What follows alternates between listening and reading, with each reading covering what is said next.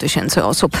W Kijowie otwarto biuro Międzynarodowego Trybunału Karnego. Ma pomóc wzmocnić współpracę między Ukrainą i MTK. Dotychczas na Ukrainie zarejestrowano ponad 100 tysięcy rosyjskich zbrodni wojennych, a ich liczba, jak przekazują władze, codziennie rośnie. Informacje sportowe. Przemysław Pozowski, zapraszam. Polscy siłotkarze są bardzo blisko awansu do finału Mistrzostw Europy. Biało-czerwoni mierzą się w Rzymie ze Słowenią i choć pierwszego seta przegrali 24 do 26, to kolejne partie padły ich łupem 25-21 i 25-20, a w czwartym secie jest 18 do 15 dla Polski. W drugim półfinale zagrają jeszcze dziś Włosi z Francją. Przed polskimi siatkarkami z kolei od soboty najważniejszy turniej w tym sezonie. Nasz zespół powalczy w Łodzi o awans na przyszłoroczne Igrzyska Olimpijskie. W turnieju weźmie udział 8 zespołów, a do Paryża pojadą tylko dwa. Trener naszej kadry już wybrał zawodniczki, które mają wywalczyć upragniony awans. O czym więcej teraz Michał Waszkiewicz. Stefano Lavarini nikogo nie zaskoczył. Po Mistrzostwach Europy do zespołu dołączył ponownie Martynę Tyrniańską, której zabrakło na turnieju z powodu kontuzji. Pozostałe 13 zawodniczek grało na Mistrzostwach Europy i Lidze Narodów, w której Polki zajęły znakomite trzecie miejsce. Ich atutem na pewno będzie publiczność w Łodzi. Kluczowa będzie jednak koncentracja i zwycięstwa nad niżej notowanymi drużynami, uważa były siatkarz i trener Jakub Bednaruk. Będzie bardzo trudno, trzeba utrzymać poziom zmęczenia, skupienia przez cały turniej, nie potknąć na rywalu, który, który może nam zabrać punkty, no i się skupić na tym, żeby wygrać jeden mecz, co najmniej oczywiście, albo z Amerykankami, albo z Włoszkami. Z Amerykankami i Włoszkami Polki zagrają na koniec. Najpierw zmierzą się w sobotę ze Słowenkami, potem czekają je mecze z Koreą Południową, Kolumbią, Tajlandią i Niemcami. Michał Waszkiewicz, TOK FM. To ja tylko powiem, że w meczu siatkarzy 21 do 15, w tym być może ostatnim secie, a teraz jeszcze Robert Lewandowski, który został pominięty przez FIFA. Kapitana piłkarskiej reprezentacji Polski zabrakło wśród nominowanych do nagrody FIFA Best dla najlepszego zawodnika roku. Wśród 12 piłkarzy, którzy mają szansę na laur są za to m.in. Leo Messi, Kylian Mbappé i Erling Haaland. Lewandowski wygrywał ten plebiscyt w latach 2020-2021. Remco Evenepoel wygrał po samotnej ucieczce 18 etap wyścigu kolarskiego Vuelta Espania. To było trzecie zwycięstwo Belga w tegorocznej edycji hiszpańskiego wyścigu. W klasyfikacji generalnej bez zmian prowadzi Amerykanin Sepp Kuss z Jumbo Visma, który wyprzedza swojego kolegę z drużyny Duńczyka Jonasa Winigo. Vuelta zakończy się w niedzielę. Pogoda. W nocy więcej chmur na południu kraju i tam może przelotnie popadać deszcz na termometrach od 6 stopni na północnym wschodzie, około 10 w centrum, do 13 na południu Polski. Radio TOK FM. Pierwsze radio informacyjne. Debata TOK FM. Dobry wieczór, minęła y, godzina 25. Rozpoczynamy kolejną debatę przedwyborczą Radia Tok FM. Tym razem porozmawiamy o edukacji. Y, ja się nazywam Krzysztof Chorwat, audycję wydają Karolina Kłaczyńska i Maciej Jarząb, a realizuje ją Jacek Kozłowski. I od razu dziękuję za przybycie i za przyjęcie zaproszenia do, zaproszenie do debaty. Witam e, serdecznie naszych gości. Na moje oraz Państwa pytania dzisiaj odpowiadać będą po kolei od mojej lewej Agnieszka Dziemianowicz-Bąk, kandydatka Nowej Lewicy do Sejmu w okręgu 26 Gdynia-Słupsk. Dobry wieczór. Dobry wieczór pan, dobry wieczór państwu. Michał Grocki, kandydat Prawa i Sprawiedliwości do Senatu w okręgu 45, czyli w Warszawie. Dobry, Dobry wieczór. Dorota Łoboda, kandydatka Koalicji Obywatelskiej. Mm, nie od lewej, przepraszam, przeskoczę teraz do Doroty Łobody, e, kandydatki Koalicji Obywatelskiej do Sejmu w okręgu 19. E, też Warszawa, e, obecnie radna Warszawy, przewodnicząca Komisji Edukacji. Nie wspomniałem, że Michał Grodzki z kolei jest przewodniczącym Sejmiku Województw... Radnym, radnym, tak, radnym Sejmiku Województwa Mazowieckiego. Oraz Agnieszka Dziemianowicz-Bąk jest posłanką Nowej Lewicy. Do tego dobry wieczór Pani Dobry wieczór. Łobodzie. Wioleta Tomczak, kandydatka Polski 2050 do Sejmu w okręgu 26. Również Gdynia Słupsk, czyli no, konkuruje niejako z panią Agnieszką Dziemianowicz-Bąk. Dobry wieczór. Dobry wieczór Państwu. I Krzysztof Żońca, kandydat Konfederacji do Sejmu w okręgu 14. Nowy Sącz. Dobry wieczór. Dobry wieczór.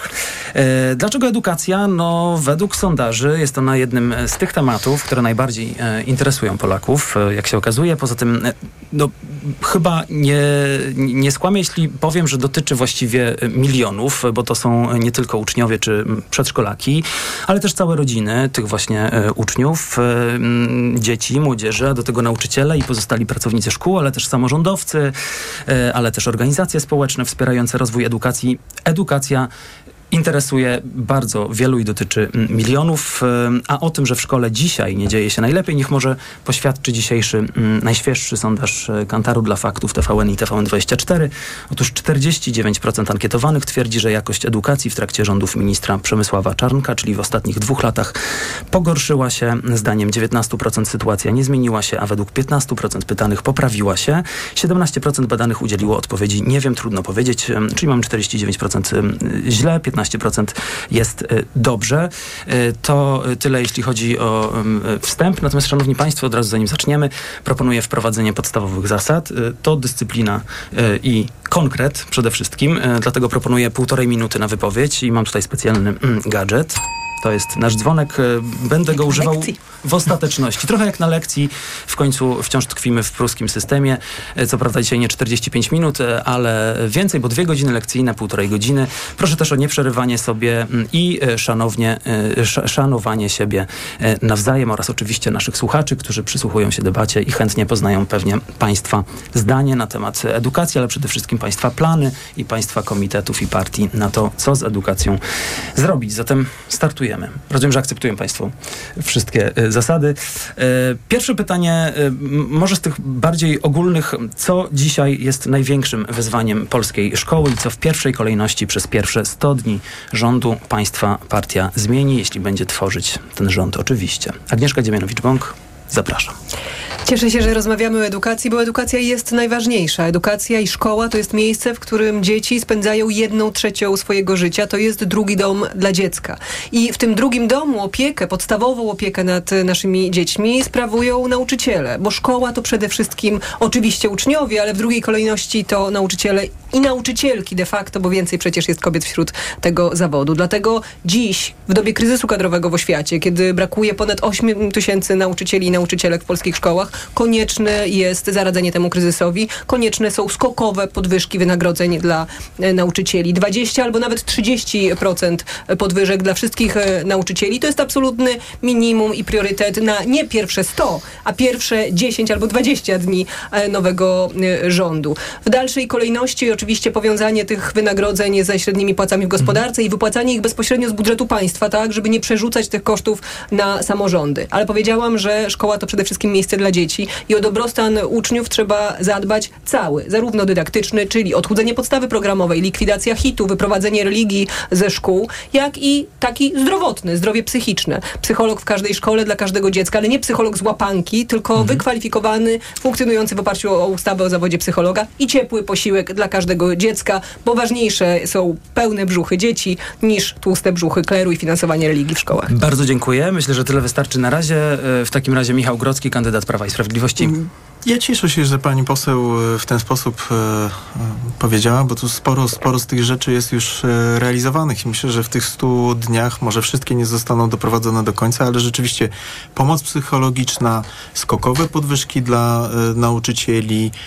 dobrostan właśnie tych placówek edukacyjnych. Myślę, że na to wszystko rząd Prawa i Sprawiedliwości do tej pory realizował, być może nie zgodnie z oczekiwaniami wszystkich tak jak było, tak jak pan redaktor zacytował, 49% oczekuje, że to będzie robione szybciej, mocniej, lepiej, za, e, le, lepiej będą wydatkowane te środki. Natomiast tak, rzeczywiście 76% podwyżki dostali ci nauczyciele najniżej zarabiający, początkujący w ciągu ostatnich kilku lat. 46% e, to byli ci dyplomowani i mianowani. mianowani, tak, przepraszam. 20 tysięcy etatów dla psychologów e, ma zostać wdrożonych, oczywiście w miarę możliwości pozyskiwania tychże specjalistów. Zgadzam się, że, te, to, e, że nasze szkolnictwo nie jest w stanie wprowadzić tylu psychologów na rynek, ale e, myślę, że te programy Ministerstwa Edukacji Narodowej są realizowane. No i myślę, że, że polska edukacja rzeczywiście nie ma łatwej drogi, bo wyzwania nowoczesnego świata są bardzo duże i to wszystko, e, do czego chcielibyśmy do, dotrzeć jako społeczeństwo e, naszego kraju, jest jeszcze daleko przed nami. Natomiast, natomiast wydaje mi się, że mimo wszystko, mimo tego złego ministra Czarnka, e, dużo programów jest realizowanych. To pana zdanie? Moim zdaniem. Nie, moim zdaniem jest tego zwyczajowo określonego ministra Czarnka jako złego. Ten, ten zły minister realizuje jednak wiele zadań. Nie jest taki zły realnie. Wioleta Tomczak, Polska 2050. Tak, Polska 2050 Szymona Hołowni umówiła się z Polskim Stronnictwem Ludowym, idąc trzecią drogą, że w pierwszych stu dniach e, po objęciu przez demokratyczną opozycję e, rządu jak najbardziej będzie dążyła do tego, żeby były podwyżki zarówno w oświacie, jak i w ochronie zdrowia, jak i w służbie publicznej. I to jest dla nas priorytetem. Będziemy jak najszybciej dążyć do tego, żeby nauczyciele godnie byli wynagradzani minimum średnią krajową e, w, no tak jak wspomniałam, w jak najkrótszym okresie czasu. Chcemy to zrobić poprzez wprowadzenie 6% PKB e, na oświatę. Taki projekt e, w ustawie zatytułowanej Przyszłość Plus już złożyliśmy w tym rządzie. Teraz zdaje się, przypomnę tylko, jest zdaje się mniej niż Cztery- 2%. 4,7 całościowo jest Mhm. teraz na oświatę, ale faktycznie jeżeli chodzi na su- o subwencję oświatową, czyli ten kształt wynagrodzenia nauczycieli, to jest mniej niż e, 2%, tak? I dzięki temu no, mamy takie płace, że e, szkoły muszą się gimnastykować, uczelnie wyższe także, żeby nauczyciele o najniższym stopniu kwalifikacji, ci, którzy dopiero wchodzą na rynek pracy, e, m, po prostu nie byli wynagrodzeni tak jak oczywiście bardzo ważna i potrzebna i szanowana, ale jednak pani sprzątaczka. Pani ma też doświadczenie jako nauczycielka akademicka, prawda? Z, z, ze studentami ma pani e, Tak. Ja kontakt. jestem- Być może jeszcze wrócimy do tej Mhm. e, sytuacji, jak to e, wygląda. Krzysztof Żońca, Konfederacja. Konfederacja jako jedyna partia domaga się systemowych zmian w szkolnictwie. Do tej pory wszystkie partie mówią jedynie o dosypywaniu kolejnych pieniędzy. My uważamy, że należy zmienić szkołę systemowo, wprowadzając między innymi bon edukacyjny. Takie rozwiązanie jest wprowadzone w wielu państwach, nie tylko w Europie, ale i na świecie. Więc bierzemy przykład z państw, gdzie to działa i chcemy taki system oczywiście prowadzić w Polsce. Które to państwa? Między innymi Irlandia, Holandia, Szwecja, Hongkong, niektóre stany w USA. Chcemy się inspirować tymi państwami i tam to działa, chcemy, żeby też działało u nas. A przede wszystkim największym wyzwaniem, jaki w tym momencie mamy w Polsce, jest e, z powrotem przywrócenie prestiżu e, zawodu nauczyciela. W tym momencie za ministra Czarnka zapisu e, ten zawód oczywiście jest na bardzo niskim poziomie prestiżu, na bardzo niskim poziomie wynagrodzeń. Chcemy to oczywiście zmienić jako Konfederacja i sprawić, że nauczyciele będą mieli większą motywację e, do pracy, większą motywację do pracy, a uczniowie będą mieli większą motywację do nauki. To się aktualnie nie dzieje. I do tego potrzebujemy urynkowienia systemu edukacji e, w Polsce i ograniczenia roli ministra edukacji. Dorota Łoboda, zapraszam, Koalicja Obywatelska. E, Jako ostatnia zabierająca głos w tej turze e, mam ten przywilej, że mogę również odnieść się do, do wypowiedzi również przedmówczyń i przedmówców. jest to dozwolone. E, I oczywiście zgadzając się z Agnieszką Dziemianowicz-Bąk, że najpilniejszą potrzebą w tej chwili w polskiej edukacji jest zadbanie o nauczycielki i nauczycieli, bo choć to uczniowie i uczennice są oczywiście najważniejsi w szkole, to bez kadry nie będzie dobrej szkoły. Jakość edukacji nie będzie taka, jakiej oczekują rodzice i jakiej oczekujemy i powinniśmy oczekiwać jako społeczeństwo. Więc Koalicja Obywatelska proponuje w ciągu pierwszych 100 dni podniesienie wynagrodzeń nauczycielek i nauczycieli o 30%, minimum 1500 zł brutto oraz w dalszej perspektywie powiązanie wynagrodzeń nauczycielek i nauczycieli ze średnią krajową. Taki projekt już złożyło ZNP, on leży w zamrażarce sejmowej. Natomiast jeżeli się- chodzi o skokowe podwyżki dla nauczycielek i nauczycieli, o których mówił przedstawiciel Prawa i Sprawiedliwości, to one skokowo gonią po prostu wynagrodzenie minimalne. E, I o ile w tej chwili początkujący nauczyciel wchodzący do zawodu zarabia 3690 zł, to jest zaledwie o 3% więcej od płacy minimalnej, to w 2011 roku to było ponad 60% więcej niż płaca minimalna, więc ten skokowy wzrost jest fikcją, ponieważ y, te płace realnie są dużo niższe, dużo mniej można za nie kupić. No i też druga e, rzecz, o której chcę powiedzieć, to oczywiście dobrostan dzieci e, i młodzieży, które są w szkołach, ale również e, odchudzenie podstaw programowych, sprawienie, żeby te podstawy były mniej szczegółowe, żeby nasze dzieci nie były obciążone nauką na pamięć, nauką i wiedzą encyklopedyczną, ale żebyśmy stawiali na kompetencje, umiejętności i postawy, bo też od tego jest szkoła. Do tego będziemy mieli szansę, mam nadzieję, jeszcze wrócić. Natomiast podwyżki dla nauczycieli m, tutaj przewijają się właściwie prawie u e, wszystkich Państwa, e, więc e, od razu chciałbym oddać głos nauczycielkom. Proszę posłuchać Marii Kowalewskiej, nauczycielki ze Szkoły Podstawowej na warszawskim Mokotowie i Justyny Filipek z Liceum na Żoliborzu. No, ja bym chciała się dowiedzieć od wszystkich partii, jakie wynagrodzenie oferują nauczycielkom e, w zestawieniu z na, siłą nabywczą pieniądza. Jeśli ja słyszę, że podniesione je o 74%, to bym chciała się dowiedzieć, jak realnie to będzie podniesione do średniej zarobków, no i jak będziemy, ile za to będziemy mogły nabyć. Bym też chciała się dowiedzieć, jak ze swojej pensji, wynajmując mieszkanie w Warszawie, mieszkając sama i opłacając telefon i internet, bo potrzebuję ich do swojej pracy, jak e, mam odłożyć choćby 1000 zł na wkład własny albo na zepsutą pralkę. No, żeby nie było tak, że w, ten budżet nauczycielski jest po prostu niespinający się. No bo z tego wynika to, ile mamy nadgodzin albo dlaczego pracujemy w dwóch szkołach, bo trafiam na komentarze, gdzie no tak, tak, wszyscy zarabiają duże pieniądze, bo dorabiają. No nie, nie mamy wy- wyboru. To nie jest tak, że my jesteśmy grupą pazerną, tylko nie mającą wyboru. Dzień dobry, jestem Justyna Filipek, uczę w pierwszym liceum e, imienia Bolesława Limanowskiego w Warszawie. E, jestem nauczycielką mianowaną, w tym roku mam zamiar zrobić dyplomowanie, jestem nauczycielką wspomagającą, uczę też języka polskiego. Skończyłam polonistykę, skończyłam również resocjalizację, dwie podyplomówki z negocjacji i mediacji oraz z pedagogiki specjalnej. E, Mam też e, kilka lat doświadczeń w pracy w NGO-sach, w interwencji kryzysowej, telefonach zaufania E, i to są kompetencje, które są bardzo przydatne w szkole z dodatkiem motywacyjnym, dodatkiem wychowawczym, wysługą lat, plus minus 4 tysiące. Nadgodziny, prawie pół etatu w nadgodzinach. W dobrym miesiącu, czyli nie ma długich weekendów, ja nie choruję, nie ma świąt, no to jest plus 1000-1100. Właśnie jestem na etapie wyprowadzki z Warszawy. Wracam w rodzinne strony, będę e, mieszkać w domu rodzinnym. Okazało się, że no przestało być mnie stać na wynajmowanie mieszkania w Warszawie. To mieszkanie, w którym mieszkam od e, prawie 6 lat, e, kosztuje obecnie z rachunkami 2900. Myślę, że, że jestem na takim etapie, kiedy chciałabym móc pozwolić sobie na taki nie wiem, czy to jest luksus, czy po prostu taka norma, żeby mieszkać samodzielnie z moim kotem i żeby było mnie stać na wynajem, który nie obejmuje 60% moich dochodów. A ten dom rodzinny, jak daleko? E, Jest pod Siedlcami. Mam ten przywilej, że do stacji PKP mam 10 minut na piechotę, następnie półtorej godziny dojazdu do centrum Warszawy i później metrem do szkoły. To tak w ciągu dnia mniej więcej około 5 godzin będę spędzała na samych dojazdach. Państwo, nasi słuchacze tego mm, nie widzieli, to ja może powiem. E, Wszyscy Państwo w studiu albo kiwali głowami, albo kręcili głowami. Rozumiem, że zgadzają się Państwo pewnie z diagnozą postawioną przez nauczycielki. No tu była specyficzna grupa nauczycielek e, w Warszawie, gdzie to życie dla nich jest po prostu droższe.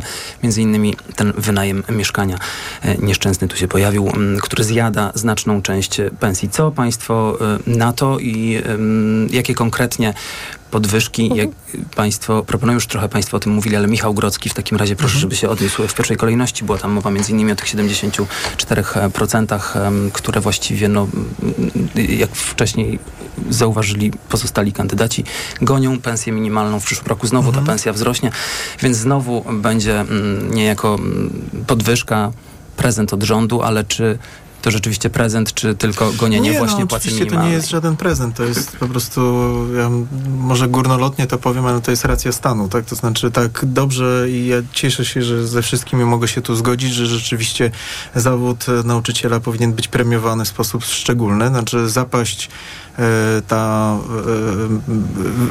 e, związana z wynagrodzeniami rzeczywiście jest duża. Ja byłem e, burmistrzem dzielnicy Bemowo, czyli między innymi także w jakimś tam stopniu miałem wpływ na to, e, w jaki sposób byli uposażeni e, nauczyciele, bo dodatki motywacyjne i dodatki, które wynikały, wynikają też ze wsparcia samorządu, e, trafiały do tych nauczycieli, E, z, a cała subwencja oświatowa przychodziła przez budżet, e, który miałem e, przyjemność, a w tej części pewną nieprzyjemność e, kształtować. No, wydaje się, że to jest naprawdę za mało i mm, ja tak mm, odnosiłem się do tego, co, co dokonał obecnie pan minister Czarnek, czy jego po, poprzednicy, poprzedniczka za rządów PiS i wydaje mi się, że jednak mimo wszystko jest to, jest to duże działanie. Oczywiście może być traktowane jako za zbyt mało no i, i czuję i w, z taką dozą empatii przyjmuję to, co mówią e, właśnie nauczycielki, o których, które, które zacytował pan, pan e, redaktor tutaj w materiale. Natomiast, e, natomiast to rzeczywiście i tak te wynagrodzenia były skokowo całkiem wysokie. Oczywiście, tak jak pani radna, pani kandydatka. w takim razie skończyć na skokowych jeśli mogę leciutko przynajmniej e, zadzwonić. E, Wioleta Tomczak, Polska 2053 droga. Konkretne podwyżki. Jakie? To jest podstawowe pytanie od nauczycielek. Jak zapłacić za rachunki? Dla nas priorytetem jako Polski 2050 jest jak najszybsze wprowadzenie, e, doprowadzenie do tego, że nauczyciele ci od razu po studiach wchodząc do zawodu będą otrzymywali płacę w wysokości średniej krajowej. Oczywiście e, Ci, to oznacza są... powiązanie takie bezpośrednie z, mm, ze średnią krajową, bo takie się pomysły też już pojawiały. Trzeba będzie to oczywiście w ustawie, w aktach prawnych zapisać, tak? Ale y, to, to jest ten pułap, do którego będziemy dążyć i jak najszybciej chcemy go zrealizować. Dla nas edukacja jest kwestią priorytetową, to jest kwestia inwestycji. Proszę pamiętać, że no moje córki, które dzisiaj mają 7 i 9 lat, zobaczą XXI wiek i z dużym prawdopodobieństwem. I bardzo mocno nam zależy na tym, żeby teraz nauczyciele czuli się godnie wynagradzani, żeby sami chcieli się uczyć i żeby dzięki temu przekazywali właśnie naszym dzieciom kompetencje przyszłości. Tak? Na razie to są w XIX wieku chyba, powiedzą niektórzy. Oczywiście, szkole. że tak. Więc krytyczne myślenie, kooperacja, nauczenie dzieci empatii, to jest dla nas priorytet w tym momencie i jeżeli nie doprowadzimy do tego, żeby nauczyciele byli godnie wynagradzani, e, to oni sami nie będą chcieli się uczyć i właśnie doskonalić w tym, żeby przekazywać te kompetencje naszym dzieciom. Krzysztof Żońca, jak przyciągnąć nauczycieli do zawodu? Ja przed przyjściem do studia pozwoliłem sobie zadzwonić do swojej własnej mamy, która od 25 lat jest nauczycielem i zapytać ją, ile zarabia. Nigdy ją wcześniej o to nie pytałem. Gdy dowiedziałem, że zarabia 3800 zł na rękę, to zdziwiłem się, że aż tak mało. E, ja za takie pieniądze nie byłem w stanie utrzymać się w Warszawie. To, jest naprawdę bardzo, to są naprawdę bardzo małe e, pieniądze. I teraz jedną rzecz, którą musimy rozróżnić. Konfederacja uważa, że to nie minister Czarnek czy jakikolwiek inny powinien ustalać odgórnie kwoty, e, jakie zarabiają nauczyciele, tylko oczywiście rynek i powinien też rozróżnić pracę tych nauczycieli. Dobry nauczyciel matematyki nie powinien zarabiać tyle samo, co zły nauczyciel matematyki. Dobry nauczyciel matematyki nie powinien zarabiać tyle samo, co nauczyciel WF-u. Załóżmy, że w tym momencie mamy taką sytuację, że nauczyciel WF-u, który rzuca tylko i wyłącznie piłkę e, uczniom, żeby sobie pograli siatkówkę, zarabia tyle samo pieniędzy, co na przykład zarabia nauczyciel matematyki, który to spędza dzisiaj... ogromną ilość czasu na poprawieniu sprawdzianów czy przygotowywaniu lekcji w szkole. Muszę się wtrącić, bo dzisiaj minister Czarnek odpowiadał między innymi na pytania o WF. E, powiedział, że WF już zupełnie wygląda inaczej e, i że no, będzie się zmieniał i absolutnie będzie priorytetem, a zwolnienia lekarskie odejdą do lamusa. Te nadprogramowe oczywiście, które są nie dla tych chorych, tylko dla tych, którzy nie chcą ćwiczyć. Jeśli mogę tylko jeszcze dokończyć, PiS rządzi już 8 lat i nic się nie zmieniło przez te lata. Mam młodsze rodzeństwo, wiem jak to wygląda, wiem jak wygląda WF, wiem, że to jest jedynie strata czasu, e, gdzie raczej te zwolnienia służą temu, żeby wykorzystać swoją energię, choćby na pójście na siłownię, czy zapisać do klubu piłkarskiego, a nie spędzanie czasu na nudnych lekcjach WF-u. Koalicja Obywatelska Dorota Łoboda. Tak jak już powiedziałam, Koalicja Obywatelska proponuje w ciągu mhm. tak, pierwszych Ale studni tu właśnie, wzrost o 30%. Jeszcze do, do, do Pani, jeśli mogę, ponieważ um, rozmawiałem z nauczycielami, którzy którzy wyliczyli, że na przykład nauczyciel mianowany, jeśli by te 30% podnieść od zasadniczej, to właściwie jest 1100. E, państwo Ale tam jest zastrzeżenie, że minimum 1500, Czyli więc jeżeli to 30%, tak. A to oznacza kolejne spłaszczenie tak. między tymi najmniej tak, a najwięcej ale to jest rozwiązanie takie pomostowo-ratunkowe do mhm. czasu, do kiedy nie te, te wynagrodzenia, co do czego się wszyscy chyba zgadzamy, jeśli chodzi o demokratyczną opozycję, będą powiązane z średnim wynagrodzeniem. Natomiast ja bym chciała od razu skontrować i powiedzieć, że absolutnie nie zgadzam się z różnicowaniem wynagrodzenia nauczycielek i nauczycieli w zależności od tego, jak wykonują swoją pracę. Zasadnicze wynagrodzenie i przysługuje każdemu i każdej nauczycielce. To, czy ktoś jest lepszym czy gorszym nauczycielem, od tego są dodatki motywacyjne. Nie oceniamy urzędnika czy urzędniczki, czy pana Zresztą motorniczego tramwa, czy, Takie czy motorniczego tramwaju, czy kogokolwiek, kto pracuje w budżetówce. Płace zasadnicze powinny być na godnym poziomie. Ocena nauczyciela potem zależy od dyrektora. Jeśli uważa, że nauczyciel się wyróżnia w jakiś sposób, przyznaje mu dodatek motywacyjny.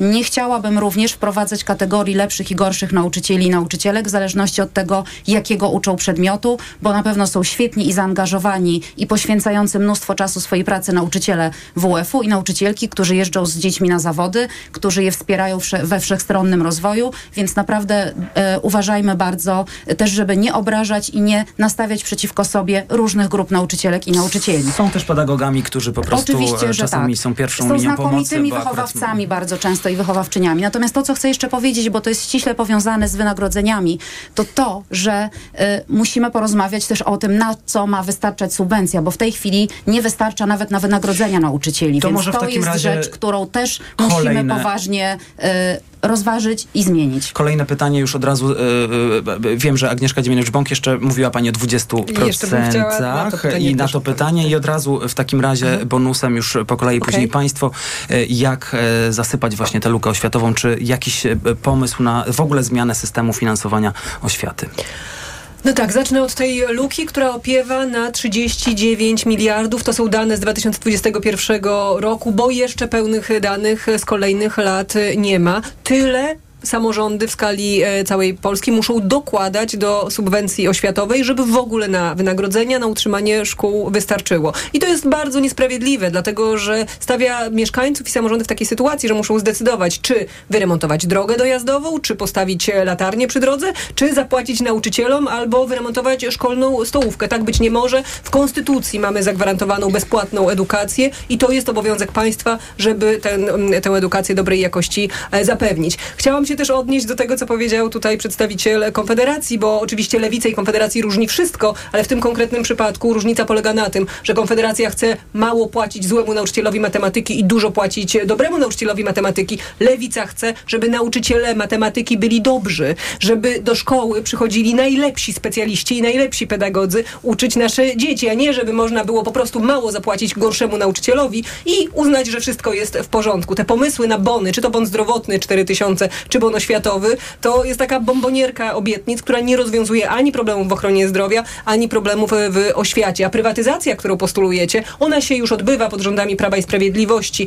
Dzieciaki i rodzice masowo wysyłają swoje dzieci do szkół niepublicznych, bo szkoła publiczna pod rządami mm, ministra e, Czarnka jest po prostu, nie spełnia swoich e, zadań. To, co trzeba Albo zrobić, to postawić trend. na nogę, bo postawić na nogi edukację publiczną, e, podwyżki dla nauczycieli. My nie chcemy spłaszczania tych wynagrodzeń, bo uważamy, że należy, e, należy stopniować e, i nagradzać za zdobywanie kwalifikacji, za zdobywanie doświadczenia, e, za staż w zawodzie nauczyciela, ale oczywiście te 30% podwyżki skokowe są konieczne, począwszy od nauczycieli początkujących, bo oni dzisiaj zarabiają 90 zł więcej niż płaca minimalna. Szanowni Państwo, 90 zł mniej i nauczyciele zarabialiby w sposób nielegalny w Polsce, tak niezgodny z prawem. A ma to być, ma to być zawód jeden z najbardziej prestiżowych. Michał Grocki, pytanie też do Pana jako samorządowc, który był burmistrzem właśnie y, dzielnicy. Czy, czy miał Pan problem z y, opłaceniem działalności szkół, y, wypłaceniem, wypłaceniem wy, pensji nauczycielom? Jak to wyglądało? Czy Pan zawsze miał na wszystko? Znaczy, oczywiście. To jeszcze jeśli mogę dodać, bo jako rodzice spotykamy się z tym, że jesteśmy proszeni o dodatkowe opłaty w przedszkolach czy szkołach. Znaczy te dodatkowe opłaty rzeczywiście to jest, e, to jest e, trudniejsza sytuacja, natomiast to głównie jest e, kierowane poprzez e, dyrekcję szkół jako r- dodatkowe, dodatkowe e, zajęcia, jakaś rzecz e, ponad, ponadprogramowa. Nie, e, przyznam, że nie miałem e, z tym kłopotu. Środki budżetu Warszawy e, gwarantowały to, że e, pensje były płacone na czas. W, w, w tej właściwej wysokości, więc nie, nie, był to, nie był to problem. Ja chciałbym tylko powiedzieć, że em, obecnie e, ta subwencja oświatowa to 64 miliardy złotych bodajże i jest o 50, 59% większa niż e, ta, którą zastał, e, zastało Prawo i Sprawiedliwość po Platformie Obywatelskiej i rządowi PSL i Platformy Obywatelskiej. I chciałem też powiedzieć że o jednej rzeczy, która jest dosyć ciekawa, że te, te mm, państwa zapewnienia o tych skokowych podwyżkach, ja bardzo, ja bardzo, bardzo mi się podobają i trzymam za nie e, gorąco kciuki. Mam nadzieję, że będziemy w stanie je zrealizować jako Prawo i Sprawiedliwość. Także, Ustawa tak jak, leży w sejmowej zamrażarce, E, moglibyście je ale, zrealizować, gdybyście chcieli, bo złożyłam tak, osobiście taką tak. ustawę na Obecnie- wniosek Związku Obecnie podobno realizujemy program e, Konfederacji, co też jest ciekawe, bo realizujemy w takim razie i program, program Konfederacji, ale także zrealizujemy te Państwa zapowiedzi. Natomiast No nie zrealizujecie, Platforma macie Obywatelska przez 4 lata nie podniosła e, e, żadne, e, o żadną złotówkę o, e, uposażenia PiS rządzi pracowników. od 8 lat.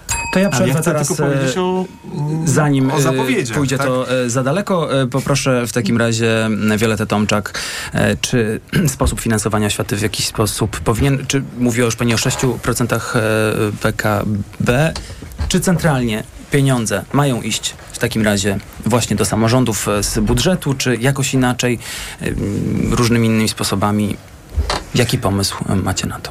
Samorządy na pewno muszą być wsparte, jeżeli chodzi o subwencję oświatową, bo teraz z całą pewnością dokładają i to nie mało i wtedy właśnie brakuje i wtedy rodzice, tak jak ja, jestem proszona o to, żeby dzieci przynosiły ryzę papieru albo jakieś inne pomoce, które tak naprawdę powinny być e, im udostępnione, już nie mówiąc o tym, że te szkoły, może nowe, budowane na nowych osiedlach, faktycznie są w świetnym europejskim standardzie, ale te starsze pruskie szkoły, albo pamiętając te czasy, faktycznie e, potrzebują tych remontów e, i inwestycji. Nasze 6% PKB na oświatę to jest 30,2 miliarda e, złotych i, i tak naprawdę e, gdybyśmy pozyskali pieniądze z e, KPO, gdybyśmy pozyskali e, albo nie marnotrawili... No, to jest e, 64 miliardy. Czy chodzi o 30 miliardów więcej? Dodatkowo, więcej. dodatkowo, tak. Gdybyśmy pozyskali e, pieniądze z, e, albo inaczej, nie marnowali tych pieniędzy e, w funduszu covidowym, który był źle mm, wydawany, tak? Czy nie budowali lotniska w Baranowie i mieli fundusze unijne, to byśmy mieli 115,1 miliardu złotych rocznie, o czym dzisiaj mówił Szymon Hołownia na konferencji prasowej.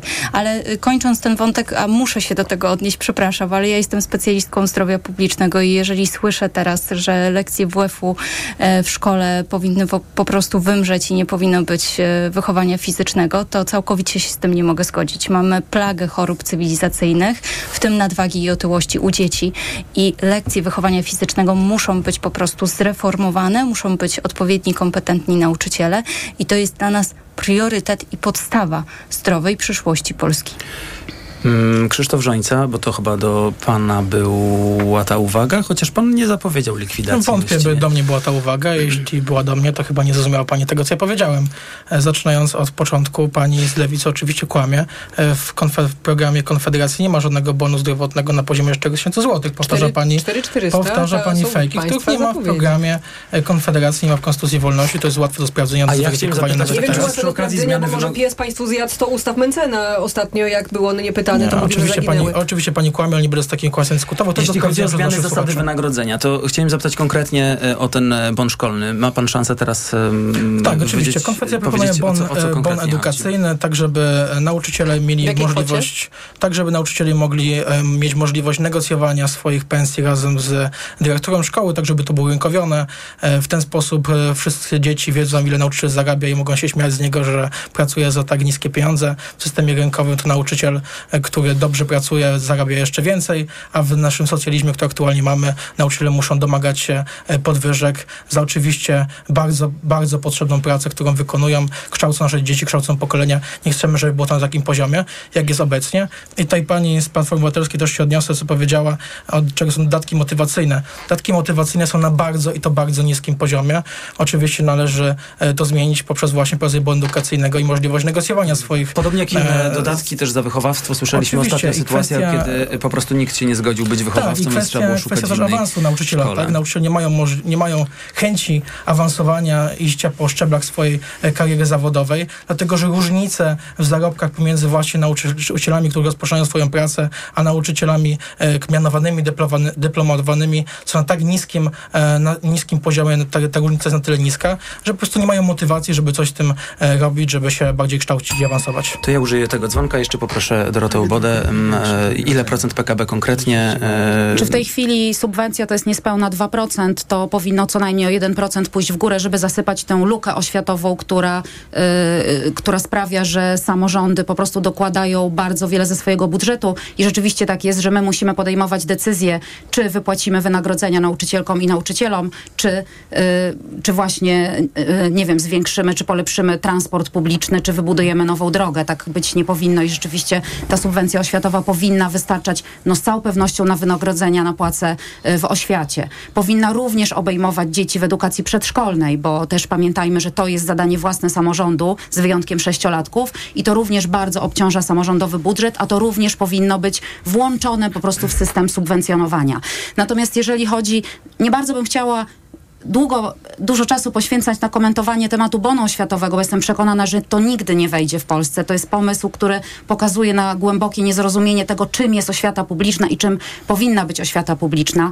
I również na niezrozumienie tego, że nauczyciela nie można różnymi wskaźnikami oceniać, bo co to oznacza? Jeśli będzie miał lepsze, jego uczniowie i uczennice będą mieli lepsze wyniki edukacyjne, to on będzie zarabiał więcej. A co wtedy z dziećmi ze specjalnymi potrzebami edukacyjnymi? Nauczyciele, którzy będą mieli takie dzieci w swojej klasie, siłą rzeczy będą mieli zawsze gorsze wyniki te edukacyjne, ale być może dużo lepsze wyniki wychowawcze i być może ich dzieci powierzone im będą osiągały dużo większe postępy. Natomiast nie będzie tego widać we wskaźnikach, które pozwoliłyby różnicować e, wynagrodzenia. Więc każda nauczycielka i każdy nauczyciel powinni godnie zarabiać, a oświata publiczna powinna zapewniać równy dostęp każdemu dziecku. Bardzo rozumiem. chciałbym już e, zakończyć. Będzie miał pan szansę na pewno się odnieść, natomiast bardzo chciałbym zakończyć jeszcze wątek nauczycieli, bo y, dużo czasu już dość poświęciliśmy, a mamy y, mnóstwo problemów w edukacji jeszcze do omówienia.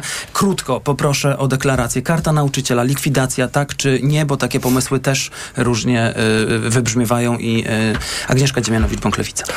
Karta nauczyciela to jest osiągnięcie cywilizacyjne wywalczone przez środowisko nauczycielskie i gwarantujące to, że niezależnie od tego, czy szkoła mieści się w Warszawie, czy szkoła mieści się w małej miejscowości na Podlasiu, nauczyciele pracują na analogicznych, podobnych e, warunkach i są takimi samymi pracownikami gwa- świadczącymi te same usługi. Więc nie, likwidacja ka- karty nauczyciela absolutnie nie, ale to nie tylko to. Kartę nauczyciela należy, należy rozszerzyć na wszystkich nauczycieli bez względu na to, czy pracują w szkole publicznej, czy w niepublicznej, bo to jest jeden zawód, a to, czy prowadzi szkołę samorząd, czy prywatny podmiot, powinno być w tej sprawie drugorzędne. Prawo i Sprawiedliwość. Poproszę tak po maksymalnie 30 sekund. Karta nauczyciela jest nawet nie tyle kompromisem, co rzeczywiście jakimś e, dobrym zwyczajem e, w tej części. Nie widzimy potrzeby, aby likwidować kartę nauczyciela. Być może trzeba ją rzeczywiście rozszerzyć na to szkolnictwo e, niepubliczne. Tak, to nie jest złe rozwiązanie. Myślę, że warto się temu przyjrzeć. Te rzeczywiście cywiliza- cywilizacyjne e, zdobycze trzeba, e, trzeba realizować. Będą Myślę, że tutaj z pomysłu lewicy, jak rozumiem.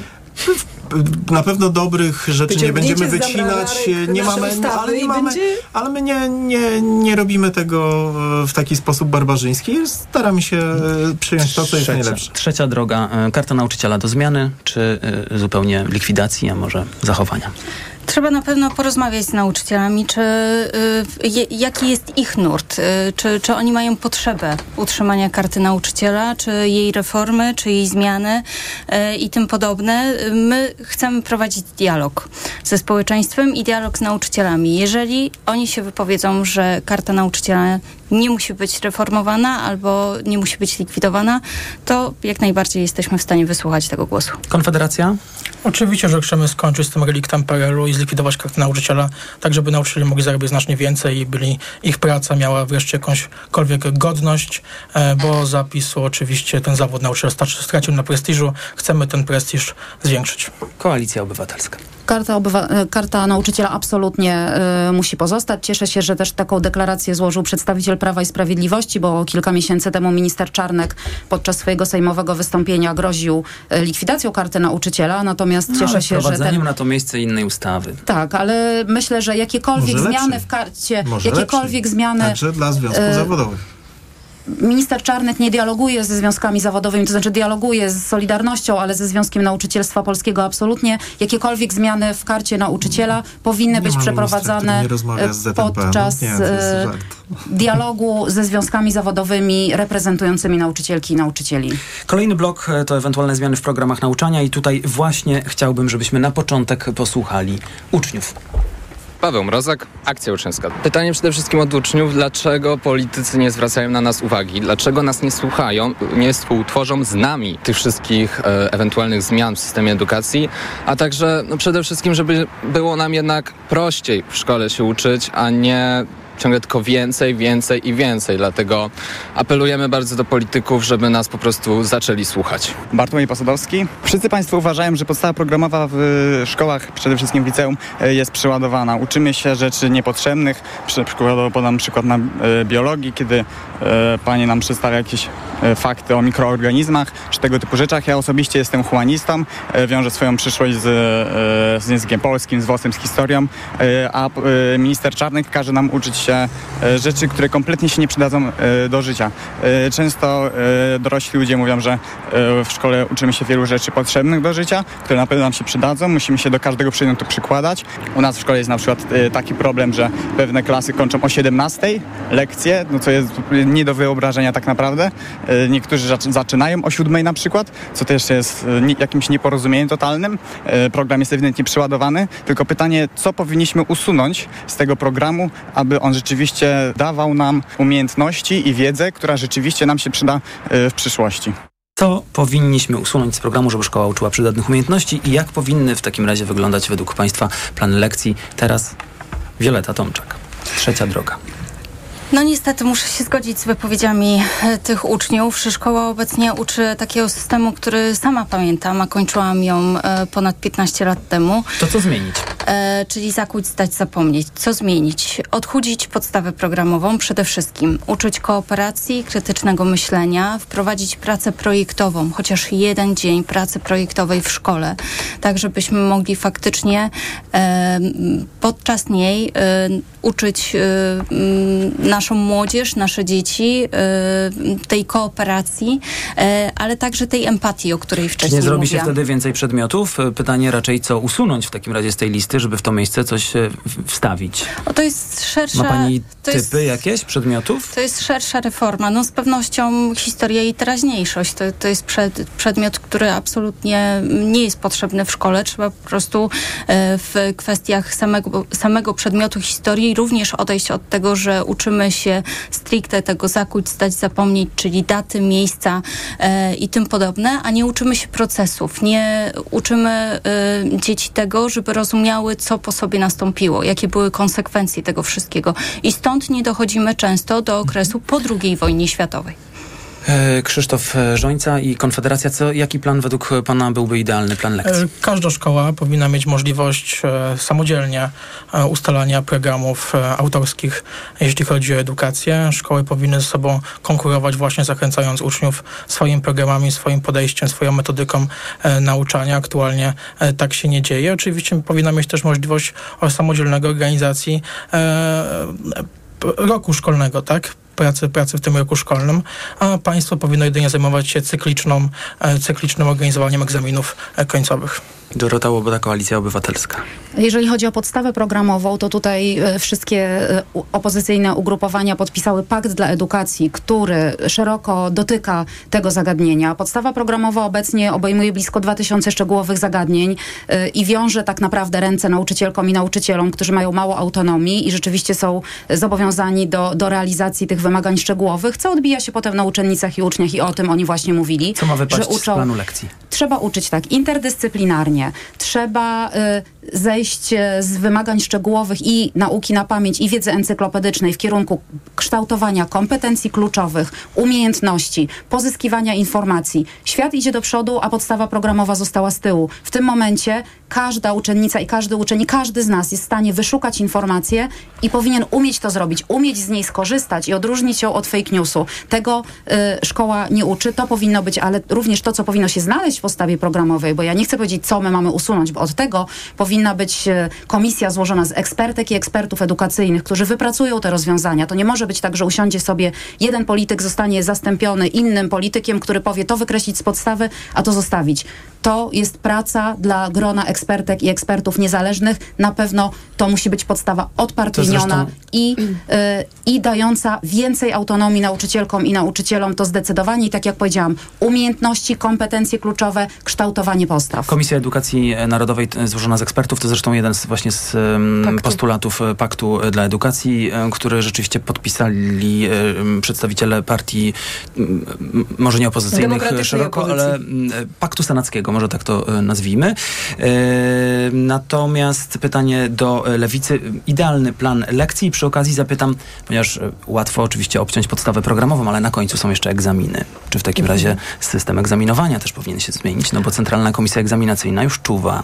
Pyta pan redaktor, co usunąć, żeby co dodać? I ja odpowiem precyzyjnie, bo lewica tak się składa, otacza się od lat ekspertami, ekspertkami edukacyjnymi. Współpracujemy ze Związkiem Nauczycielstwa Polskiego, z przedstawicielami środowisk akademickich, z samymi nauczycielami i nauczycielkami i mamy to zadanie domowe odrobione. Co usunąć? Na pierwszy mm, rzut lekcje religii, e, na drugi historię i teraźniejszość. Co wprowadzić? Przekierować ten wektor z przeszłości, z historii na przyszłość. Wprowadzić edukację o zdrowiu i seksualności, bo to ważne, żeby młodzi ludzie w przyszłości mogli nawiązywać zdrowe, dojrzałe e, relacje. Edukację pracowniczą, edukację, która pozwoli młodym ludziom po zakończeniu e, tego te, cyklu edukacyjnego odnaleźć się na rynku pracy i uchronić przed wyzyskiem i łamania praw pracowniczych. Edukację klimatyczną, bo dla młodego pokolenia nic nie jest dziś tak ważne, jak to, w jakim świecie będą mogli e, żyć, jeżeli chodzi o środowisko, jeżeli chodzi o, e, jeżeli chodzi o klimat. A co do egzaminów? Egzaminy powinny w edukacji pełnić funkcję diagnostyczną. One powinny mówić systemowi oświaty, ministrowi e, edukacji, czy system działa, czy nie i gdzie nie działa. Dopiero w drugiej kolejności funkcję selekcyjną, czyli kierować do kolejnych, do szkół e, na kolejnym e, etapie. Więc egzaminy oczywiście należy utrzymać, one muszą być ogólnokrajowe, ale przede wszystkim z tej wiedzy, którą dostarczają, trzeba e, korzystać, bo Lewica chce, żebyśmy skończyli z taką chaotyczną polityką oświatową. Chcemy każdą reformę, która miałaby być przeprowadzana, najpierw przeprowadzać jej e, pilotaż i przeprowadzać ją przez cały cykl edukacyjny, a nie zmieniać co jedną kadencję. Michał Grocki, e, co Prawo i Sprawiedliwość zachciałoby może usunąć, czy zgadza się z usunięciem hitu, najnowszego hitu e, właśnie Nie, ministra że Przemysława nie, Czarnka, znaczy a poza tym religia, od razu zapytam, Tak, bo została hit- wywołana religia, edukacja hit, seksualna. e, Hit wszedł w, w, w rolę historii i myślę, że to jest dobre rozwinięcie. Słucham? WOS-u. W rolę WOS-u niestety. WOS-u, tak, tak, tak. W, w rolę WOS-u i myślę, że to jest dobrze roz, dobre rozwinięcie. Oczywiście my proponujemy rozwój e, kompetencji przyszłości. Tutaj z kilkoma e, moimi kolegami z tego studia mogę się, mogę się zgodzić, ale tak, PiS już realizuje między innymi laborato- laboratoria przyszłości, mobilne laboratoria przyszłości w mniejszych miejscowościach, Liga Robotów, małe centra nauki SOWA i tego typu dodatkowe zajęcia, które oczywiście rozwijają e, podstawowe kompetencje, które uczeń powinien poznać w ramach podstawowych, e, podstawowych Choć przedmiotów. nie zawsze się tak dzieje, bo jak Choć nie słyszę od tak niektórych dzieje, ale to- rodziców, ale to e, sale tak- są, e, laboratoria są zamknięte, bo nauczyciele nie zostali przeszkoleni. Ale to oczywiście jest y, jakby wyzwanie dla organizatorów tej nauki. Natomiast rzeczywiście zgadzam się z tym, że e, powinny być kształtowane kompetencje przyszłości i one powinny być oparte na czymś więcej niż tylko nie wiem, radzenie sobie z czatem GPT czy, czy, czy z profesjonalnymi wyszuki, wyszukiwarkami. Natomiast to jest tak, że pewien e, zbiór pojęciowy każdy e, uczeń, każdy polski obywatel powinien opanować. No i niestety taka jest rola szkoły i z tego nie wyjdziemy nawet e, porzucając ten, tak jak pan redaktor powiedział, pro, pruski styl nauki. Natomiast e, religia to jest także kompromis, który został e, wypracowany w latach 90. w szkole i myślę, że to jest dobra formuła i będziemy się... Nie, się innymi drzwiami wprowadzona, a dzieciaki nie chcą chodzić na religię, coraz mniej uczniów na nią uczęszcza. Również przez to, że są przeładowane plany lekcji. Właśnie, a edukacja seksualna w takim razie Prawo i Sprawiedliwość? Edukacja seksualna jest e, formą e, także rozwoju e, naszego, naszego społeczeństwa. Tutaj nie wypowiem się, ponieważ nie, nie odnosiłem się do tego. Religia e, lub edukacja seksualna, jaka e, trzecia droga, jaki ma e, pomysł, czy wprowadzać, czy nie, czy wyprowadzać, czy nie. Oczywiście, jeśli chodzi o każdy z osobna. Polska 2050 Szymona Hołowni stoi na straży tego, żeby to społeczność szkolna decydowała o tym, ile i czy będą lekcje religii w szkole. Tak, niektórym e, rodzicom uczniom odpowiada to, żeby ta religia była w szkole, bo już nie wyobrażają sobie zawozić dziecka na kolejne zajęcia pozalekcyjne, ale ona wcale nie musi y, trwać dwie godziny y, w trakcie tygodnia i o tym powinna decydować społeczność szkolna, a biskup nie powinien mieć prawa weta w y, tym zakresie, jeżeli zadecydu- zadecydują, że to będzie tylko jedna godzina. Dla nas niezwykle ważne jest, żeby wprowadzać edukację ekologiczną, obywatelską, klimatyczną i prozdrowotną. Chcemy zastąpić taki przedmiot jak wiedza e, do... E, Wychowanie do życia. Wychowanie, przepraszam, tak, to, dziękuję. Wychowanie do życia w rodzinie e, na wiedzę o człowieku, tak? Gdzie holistycznie będziemy podchodzili do tego. Pytanie, czy tych godzin nie zrobi się nagle więcej? To już Nie, bo to, wcześniej bo, pytałem, bo to ale... trzeba wszystko po prostu przekalkulować i zmodyfikować, tak? Postawić właśnie na te kompetencje e, przyszłości i w to się będzie wpisywała między innymi edukacja seksualna, którą także organizacje pozarządowe będą mogły realizować. E, Pytanie e, krótkie, więc też oczekuję krótkiej odpowiedzi. Czy w ogóle w e, planach Konfederacji jest miejsce na jakiekolwiek przedmioty takie konkretne? Czy to właśnie jakieś bloki? Jaki to jest pomysł? Czy religia w ogóle w szkole, czy poza szkołą, czy edukacja seksualna to jest ten kierunek? My jesteśmy przekonani, że konkurencja wzmacnia jakość. W związku z tym chcemy, żeby szkoły konkurowały ze sobą również programem. I to od rodziców będzie zależało, czy wyślą swoje dziecko do szkoły, gdzie jest lekcja religii obowiązkowa, czy wyślą to dziecko do szkoły, gdzie jest obowiązkowa edukacja seksualna. Czyli to centralne Chcemy- egzaminy już na końcu to w ogóle nie mają sensu przy takim systemie. Nie, oczywiście centralne egzaminy będą dotyczyły e, przedmiotów, które są obowiązkowe, takich jak matematyka, język polski. Nie będą dotyczyły oczywiście religii czy edukacji. zostaje e, obowiązkowa. edukacji seksualnej, tak? Wiemy, że jest to absurdalnie bez sensu i chcemy oddać władzę w ręce rodziców, a nie w, re, w ręce tego ministra czy tamtego, e, tylko żeby to rodzice mieli władzę nad tym, czego uczą się ich dzieci, czy będą się uczyć lekcji religii w szkole, czy, czy właśnie edukacji seksualnej. Jasna deklaracja Koalicja Obywatelska, religia w szkole, tak czy nie? Na pierwsze 100 dni Koalicja Obywatelska proponuje umieszczenie obowiązkowo religii na pierwszej lub ostatniej godzinie lekcyjnej oraz usunięcie oceny z religii ze świadectwa.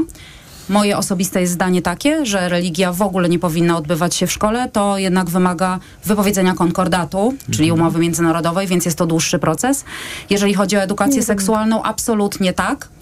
I absolutnie, y, absolutnie ona się powinna znaleźć w podstawach y, programowych i tutaj y, no w zasadzie wydaje mi się to tak oczywiste, że, że trudno dyskutować z, mm, z kwestią edukacji seksualnej, która jest również po pierwsze wiedzą o seksualności człowieka, ale również chroni nasze dzieci, jest jedyną, jedynym skutecznym narzędziem, żeby ochronić dzieci przed złym dotykiem i przed atakami pedofilii. Pani poseł chciała coś dodać a propos e, wyprowadzenia religii, tak? Dobrze s- Tak, to znaczy po pierwsze nie wymaga wypowiedzenia konkordatu, ale nawet jeżeli by się okazało, że wymaga, to ten konkordat należy wypowiedzieć, dlatego że miejsce religii, miejsce wiary, czy to dowolnej, czy to katolickiej, czy jakiejkolwiek innej, jest y, we własnym sumieniu, jest we własnym domu albo w salce katechetycznej, a proponowali nie w e, na szkole. początek salki katechetyczne przede wszystkim Salki i finansowanie oczywiście, no i na pewno nie finansowanie. Jeżeli 2 miliardy złotych każdego roku z budżetu państwa, z kieszeni osób wierzących i niewierzących przeznaczane jest na wynagrodzenia dla księży i katechetów, to coś jest nie tak. Te pieniądze można wydać lepiej, na przykład na ciepły posiłek dla każdego dziecka w szkole. 5 minut do godziny 21. Państwo nadal słuchają debaty wyborczej Radia e, TOK FM. Gościmy przedstawicieli pięciu kandydatu, e, pięciu komitetów e, wyborczych ubiegających się o miejsca w parlamencie. Chciałbym przejść do pytania, które nurtuje niejednego rodzica. Jak długo jeszcze będzie trzeba płacić za korepetycje i ym, jaki mają Państwo pomysł na rozrastający się rynek e, korepetycji? Niektórzy już głośno mówią w kampanii, że to patologia.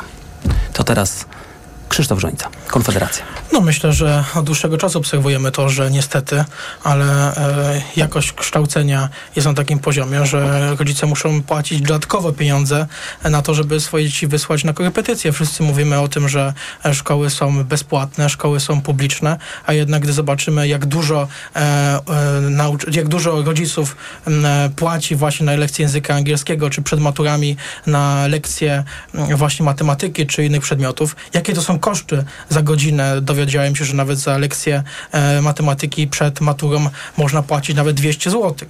To są absurdalne kwoty, więc coś jest jednak nie tak i uważamy, tak jak powiedziałem już wcześniej, że bon edukacyjny zwiększy jakość szkolnictwa i oczywiście e, w tym kierunku chcemy podążać. Koalicja Obywatelska ma jakiś pomysł na rynek korepetycji. Mm, no, niektórzy mówią też, że właściwie to jest część e, prywatyzacji w ogóle szkolnictwa, bo jeśli nie poślą niektórzy dzieci do szkoły prywatnej, no to korzystają z korepetycji. Na jedno prawie wychodzi e, suma, czasami może być może nawet czesne, być, być równoczesnemu po prostu w szkole e, prywatnej.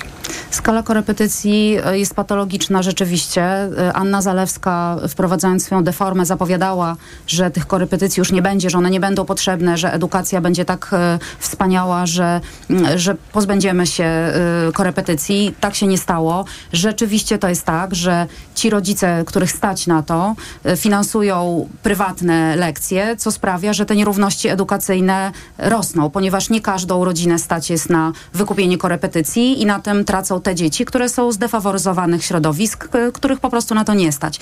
To, co pro proponuje Koalicja Obywatelska, to są zajęcia dodatkowe w szkole, to są zajęcia rozwijające zainteresowania, to są zajęcia dla dzieci ze specjalnymi potrzebami, odbywające się na terenie szkoły. E, to również będzie się wiązało Kolejne z tym... godziny to również będzie się wiązało z tym, że y, nie będzie na przykład prac domowych, bo jeżeli będą zajęcia dodatkowe rozwijające zainteresowania, jeżeli y, mówimy o kolejnych godzinach, to te godziny i tak się odbywają, bo część dzieci korzysta z zajęć dodatkowych różnych, rozwijających zainteresowania i to jest akurat y, dobre rozwiązanie, tyle tylko, że to jest rozwiązanie dla dzieci z dużych miast, a nie Znajdą jest to rozwiązanie którzy dla... poprowadzą te zajęcia dodatkowe? Jeżeli y, zwiększymy wynagrodzenia w oświacie, to znajdą się i nauczycielki, i nauczyciele do tego. Jeżeli y, zlikwidujemy rynek korepetycji, to będą nauczyciele do tego, żeby prowadzić zajęcia dodatkowe. E, Agnieszka Dziemianowicz-Bąk, Lewica. Rozbuchany rynek korepetycji to jest objaw choroby, a nie sama choroba. Tą chorobą jest zapaść publicznej edukacji, kryzys kadrowy nauczycieli i fakt, że po prostu brakuje ich w publicznej szkole. Jeżeli a tak chce lewica, podniesiemy wynagrodzenia nauczycieli, podniesiemy prestiż zawodu nauczyciela, przyciągniemy do tego zawodu młodych, dobrych, wykwalifikowanych e, pedagogów, to oni będą uczyli w taki sposób, żeby tych korepetycji tak wiele nie było potrzebnych. A jeżeli jakiś uczeń czy uczennica będzie potrzebował zajęć wyrównawczych, zajęć e, dodatkowych, to także można w szkole je zapewnić. Ale jest jeszcze jeden plus z tego, że zażegnamy kryzys kadrowy w oświacie i przyciągniemy większą liczbę nauczycieli do e, szkół. Wtedy będzie możliwość zmiany w, planu, w planach e, lekcji, od e, zmniejszenie liczebności klas i zwiększenie takiej, in, takiego indywidualnego podejścia nauczyciela czy nauczycielki do ucznia i uczennicy. To także zwiększenie faktycznej liczby, a nie tylko na papierze, liczby etatów dla psychologów, dla pedagogów, dla specjalistów, którzy mogą wspierać ten proces dydaktyczny, wychowawczy, nabywania wiedzy przez uczniów i uczennice. Do szkoły trzeba podejść całościowo, zmienić ją systemowo, e, patrząc na to, że tą szkołę tworzą ludzie, uczniowie, rodzice, organizacje wspierające, no i sami nauczyciele i nauczycielki, których po prostu trzeba do oświaty przyciągnąć. Walka z korepetycjami pojawia się również w programie Prawa i Sprawiedliwości. No tak, Jak to jako, Państwo sobie wyobrażają? Znaczy to, to rzeczywiście jest e, to, to, to zbyt e, dużo korepetycji, te korepetycje de facto, które wchodzą w jako no, taką obowiązkową część, aby zdawać z klasy do klasy, to oczywiście jest patologia. Natomiast same korepetycje E, to chyba jak świat światem. E, każdy walczył jakoś ze swoimi ambicjami, czy z ambicjami rodziców i też to, e, też to niestety wpływa na dzieci. Może to też jest jakby formuła, którą należy, którą należy rozważyć i my chcemy, aby, aby to, to rozważenie było w, po prostu po stronie, po stronie rodziców, po stronie każdej z rodzin i aby tam powstawało, powstawała ta decyzja, czy te korepetycje są potrzebne, czy nie są potrzebne. Nie każdy musi być najlepszy i z chemii, i z biologii, i z fizyki, i z e, matematyki. Może, może wystarczy tylko być najlepszym z tych e, wiodących i najbardziej e, lubianych przedmiotów przez dziecko. Natomiast, e, natomiast tak jak e, pani poseł tutaj powiedziała, to jest rzeczywiście trudna sztuka, aby zrealizować wszystkie te zadania w jeden rok. Nawet nam Część z nich udało się w dużej mierze zrealizować w 8 lat, ale naprawdę przejdziemy do realizacji i godna płaca dla nauczycieli jest to wyzwanie na najbliższe 4 lata dla Prawa i Sprawiedliwości. Trzecia droga. Rynek korepetycji. Czy to coś, co teraz rzeczywiście jest patologią i trzeba to zwalczyć? Tak, jak najbardziej. Rynek korepetycji jest teraz patologią pod takim kątem, że rocznie wydajemy prawie 4 miliardy złotych jako rodzice właśnie na, na korepetycje. My jako Trzecia Droga, jako Polska 2050 przede wszystkim stawiamy na to, żeby dzieci płynnie nauczyły się języka angielskiego po szkole podstawowej i drugiego języka obcego y, po y, drugim stopniu edukacji. Dla nas również jest ważne to, żeby było jak najwięcej ciekawych, wartościowych aktywności na miejscu w szkole. Faktycznie, żeby rodzice nie musieli wozić e, Wiktorii na angielski i Weroniki na, na tańce, tylko żeby to wszystko było e, faktycznie w szkole e, realizowane. E, I stawiamy na to, żeby to mm, było bardzo mocno takie ciekawe, interdyscyplinarne i dzięki temu dzieci będą chciały brać w tym udział. Jeżeli zreformujemy y, cały system oświaty i odchudzimy podstawę programową, to naprawdę w szkole jesteśmy w stanie zrealizować y, to wszystko, dzięki czemu nasze dzieci będą wychodziły zadowolone, będą miały czas na zabawę, na aktywności, ale także i na nudę, y, która jest niezwykle potrzebna, żeby później kreatywnie zagospodarować sobie czas. Kolejne, kolejne pytanie dotyczy pomocy psychologicznej. Dzisiaj średnio jeden psycholog szkolny przypada na 780 55 uczniów. Resort Edukacji zapewnia, że zwiększa liczbę specjalistów. Wciąż jednak 15% gmin nie ma ani jednego psychologa szkolnego i to też są dane Ministerstwa Edukacji. Jak to zmienić? Teraz w kolejności pierwsza Dorota Łoboda, Koalicja Obywatelska. E, tak, rzeczywiście Prawo i Sprawiedliwość mówi o tym, że zwiększa liczbę etatów i to jest prawda, tylko że Wprowadziło etaty... tak zwaną tak, standaryzację tyle, Tylko, że etaty nie pomogą naszym dzieciom. Na te etaty nie ma specjalistek i specjalistów, tak jak pan redaktor już powiedział, ale również pokazuje to raport e, Fundacji Grow Space. 450 gmin w Polsce pod koniec sierpnia nie miało zatrudnionego ani jednego psychologa czy psycholożki w szkole. Więc e, to, to że zwiększamy etaty to świetnie, natomiast jeśli nie, nie zwiększymy, i tu wracamy ciągle do początku naszej rozmowy wynagrodzeń, nie znajdziemy specjalistów. Natomiast e, opieka psychologiczna... Nawet chyba, opieka e, psychologiczna to nie na tylko... rynku rzeczywiście zarabiają tak, o wiele więcej. Prawda? Oczywiście. To nie tylko y, dostęp do psychologa i psycholożki, który powinien być dostępny w każdej szkole i też y, każdego dnia. To nie mogą być wybrane dni i godziny, bo jeżeli ktoś jest w kryzysie psychicznym w środę, to nie poczeka do poniedziałku na obecność psychologa. Natomiast to jest również prewencja, to jest również przyjazna szkoła y, z wychowawcą czy wychowawczynią, którzy mają czas na to, żeby poświęcić go y, swoim uczennicom i uczniom, którzy nie pędzą do innej szkoły, tylko y, mają właśnie czas na tę pracę wychowawczą. To jest szkoła, w której jest edukacja antydyskryminacyjna i równościowa, bo dyskryminacja i przemoc szkolna również są problemem, który wiedzie do kryzysów psychicznych. To jest również wzmacnianie rodziców. To są szkolenia dla rodziców, które mają na celu y, nadanie im narzędzi, które pozwolą im wesprzeć dziecko, czy rozpoznać y, kryzys nadciągający. To teraz e, użyjemy dzwonka, żeby trochę e, rozluźnić atmosferę i e, szybko przejść do Agnieszki Dziemianowicz-Bąk, choć czuję, że tutaj podobne jednak zdanie, chociażby wynikające właśnie prawdopodobnie albo z paktu tego obywatelskiego, który Państwo podpisali mm, i, i z tego, co słucham w ostatnich tygodniach. Tak, oczywiście, że podobne, ale chciałabym pójść nieco, nieco dalej, bo oczywiście samo zwiększanie liczby etatów nie udzieli pomocy psychologicznej, która musi być udzielana także w szkole. Szkoła, szkoła może być tym pierwszym kołem ratunkowym w sytuacji, w której rośnie problem e, chorób psychicznych, zaburzeń psychicznych i problemów ze zdrowiem psychicznym dzieci i, i młodzieży.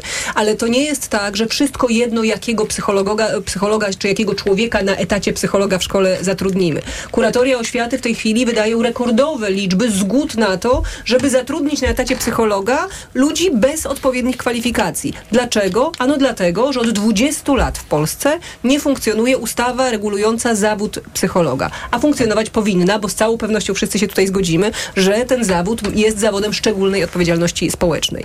Ja jestem przewodniczącą parlamentarnego zespołu do spraw ustawowego uregulowania zawodu psychologa i wspólnie ze środowiskiem psychologów, ze związkami zawodowymi, towarzystwami psychologi psychologicznymi i psychologami jako takimi przygotowałam ustawę. Przygotowaliśmy ją dwa lata, przeprowadzone zostały konsultacje społeczne, także konsultacje resortowe. Ministerstwo Zdrowia, Ministerstwo Edukacji, Ministerstwo Rodziny wypowiedziało się pozytywnie o tej ustawie, po czym oczywiście włożyło ją do sejmowej zamrażarki. Ale to jest, e, ta ustawa jest moim oczkiem w głowie. Potrzebujemy jej i uchwalimy ją w ramach pierwszych e, studni e, rządów, dlatego, żebyśmy wiedzieli, że jeżeli nasze dziecko trafia do psychologa, czy to w szkole, czy w poradni psychologiczno-pedagogicznej, czy w gabinecie, to trafia do osoby po studiach psychologicznych z kwalifikacjami, podlegającej regułom dyscypliny zawodowej, a nie do kogoś, kto poszedł i kupił sobie gdzieś na rynku jakiś kursik z psychologii, nie wiem, kwiatów albo muzyki i nazywa się psychologiem i chce udzielać pomocy. Nie, nie chcemy wyjeżdżać naszych dzieci szarlatanom, chcemy, żeby trafiali do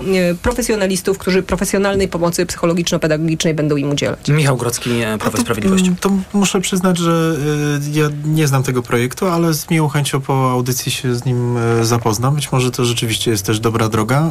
Pani minister Maląg go zna. A pani minister Maląg, oczywiście. Prosić. Zgadzam się, natomiast ja walczę o swój mandat parlamentarny i myślę, że ta moja droga też będzie jakąś, jakimś rozwiązaniem w tej, być może w tej, w tej, w tej sprawie. Ja rzeczywiście, Poradzimy sobie. ja rzeczywiście uważam, że te 20 tysięcy przygotowanych etatów to nie jest wszystko. To nie, to, to nie jest, to jest początek drogi do tego, aby w polskiej szkole było, było zdecydowanie lepiej.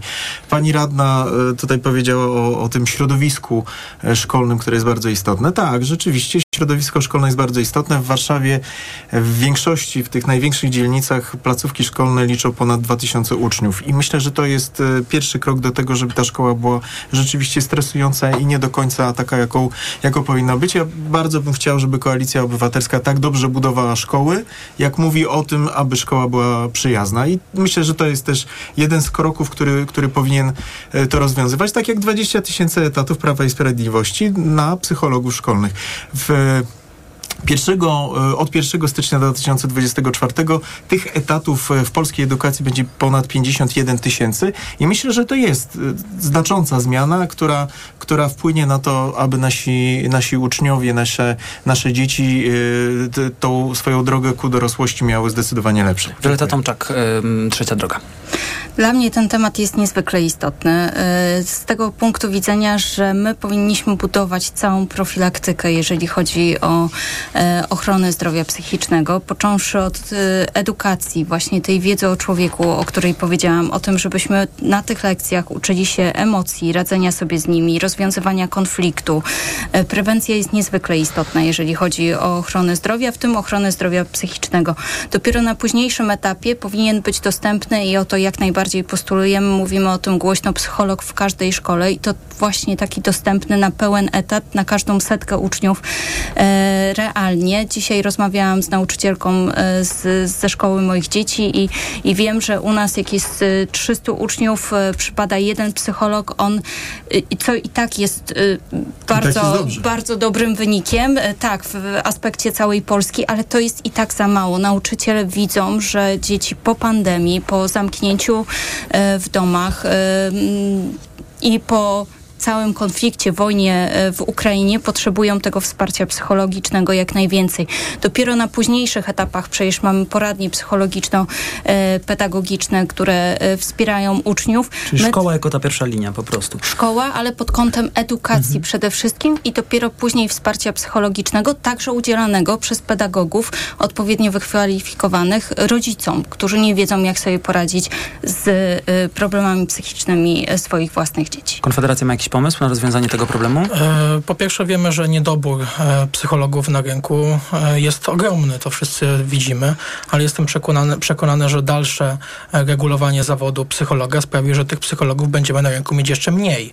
Niestety, ale taka jest rzeczywistość. Chcielibyśmy, żeby tych dobrych psychologów było znacznie więcej. Wiemy też, że psychologowie na wolnym rynku zarabiają trzy razy więcej niż w szkołach, a same godziny, które mają dla poświęcenia dzieciom, to jest bardzo mało i z tym należy oczywiście walczyć, ale warto przypomnieć, skąd te problemy w ostatnim czasie wynikają i dlaczego są aż tak ogromne, dlaczego ta skala jest tak wielka. Dlatego, że wszystkie partie, które tutaj siedzą razem ze mną przy stole, od lewicy po PiS, głosowały właśnie za tymi lockdownami, zamykały nasze dzieci w szkołach i doprowadzały do tego, że to są ogromny problem z depresją właśnie wśród dzieci. Mamy problemy właśnie z odnalezieniem się w społeczeństwie i właśnie za te problemy psychiczne, o których teraz rozmawiamy wśród dzieci, odpowiadają wszystkie partie od PiSu, PSL-u, Szymona Hołowni, Lewicę i oczywiście PiS. No to teraz My oczywiście będą mogli Państwo się posła, odnieść. więc może niekoniecznie cała partia. Ale teraz wszyscy, którzy są w, głosowali za tymi wszystkimi Gdyby pomysłami. nie lockdowny, znaleźli, z, dzieci znalazłyby się na cmentarzu, co też nie To jest chyba oczywiście najlepsze kłamstwo. Wiemy, że dzieci, śmiertelność wśród dzieci była na bardzo niskim poziomie, a są państwa jak Szwecja, które nie zamykały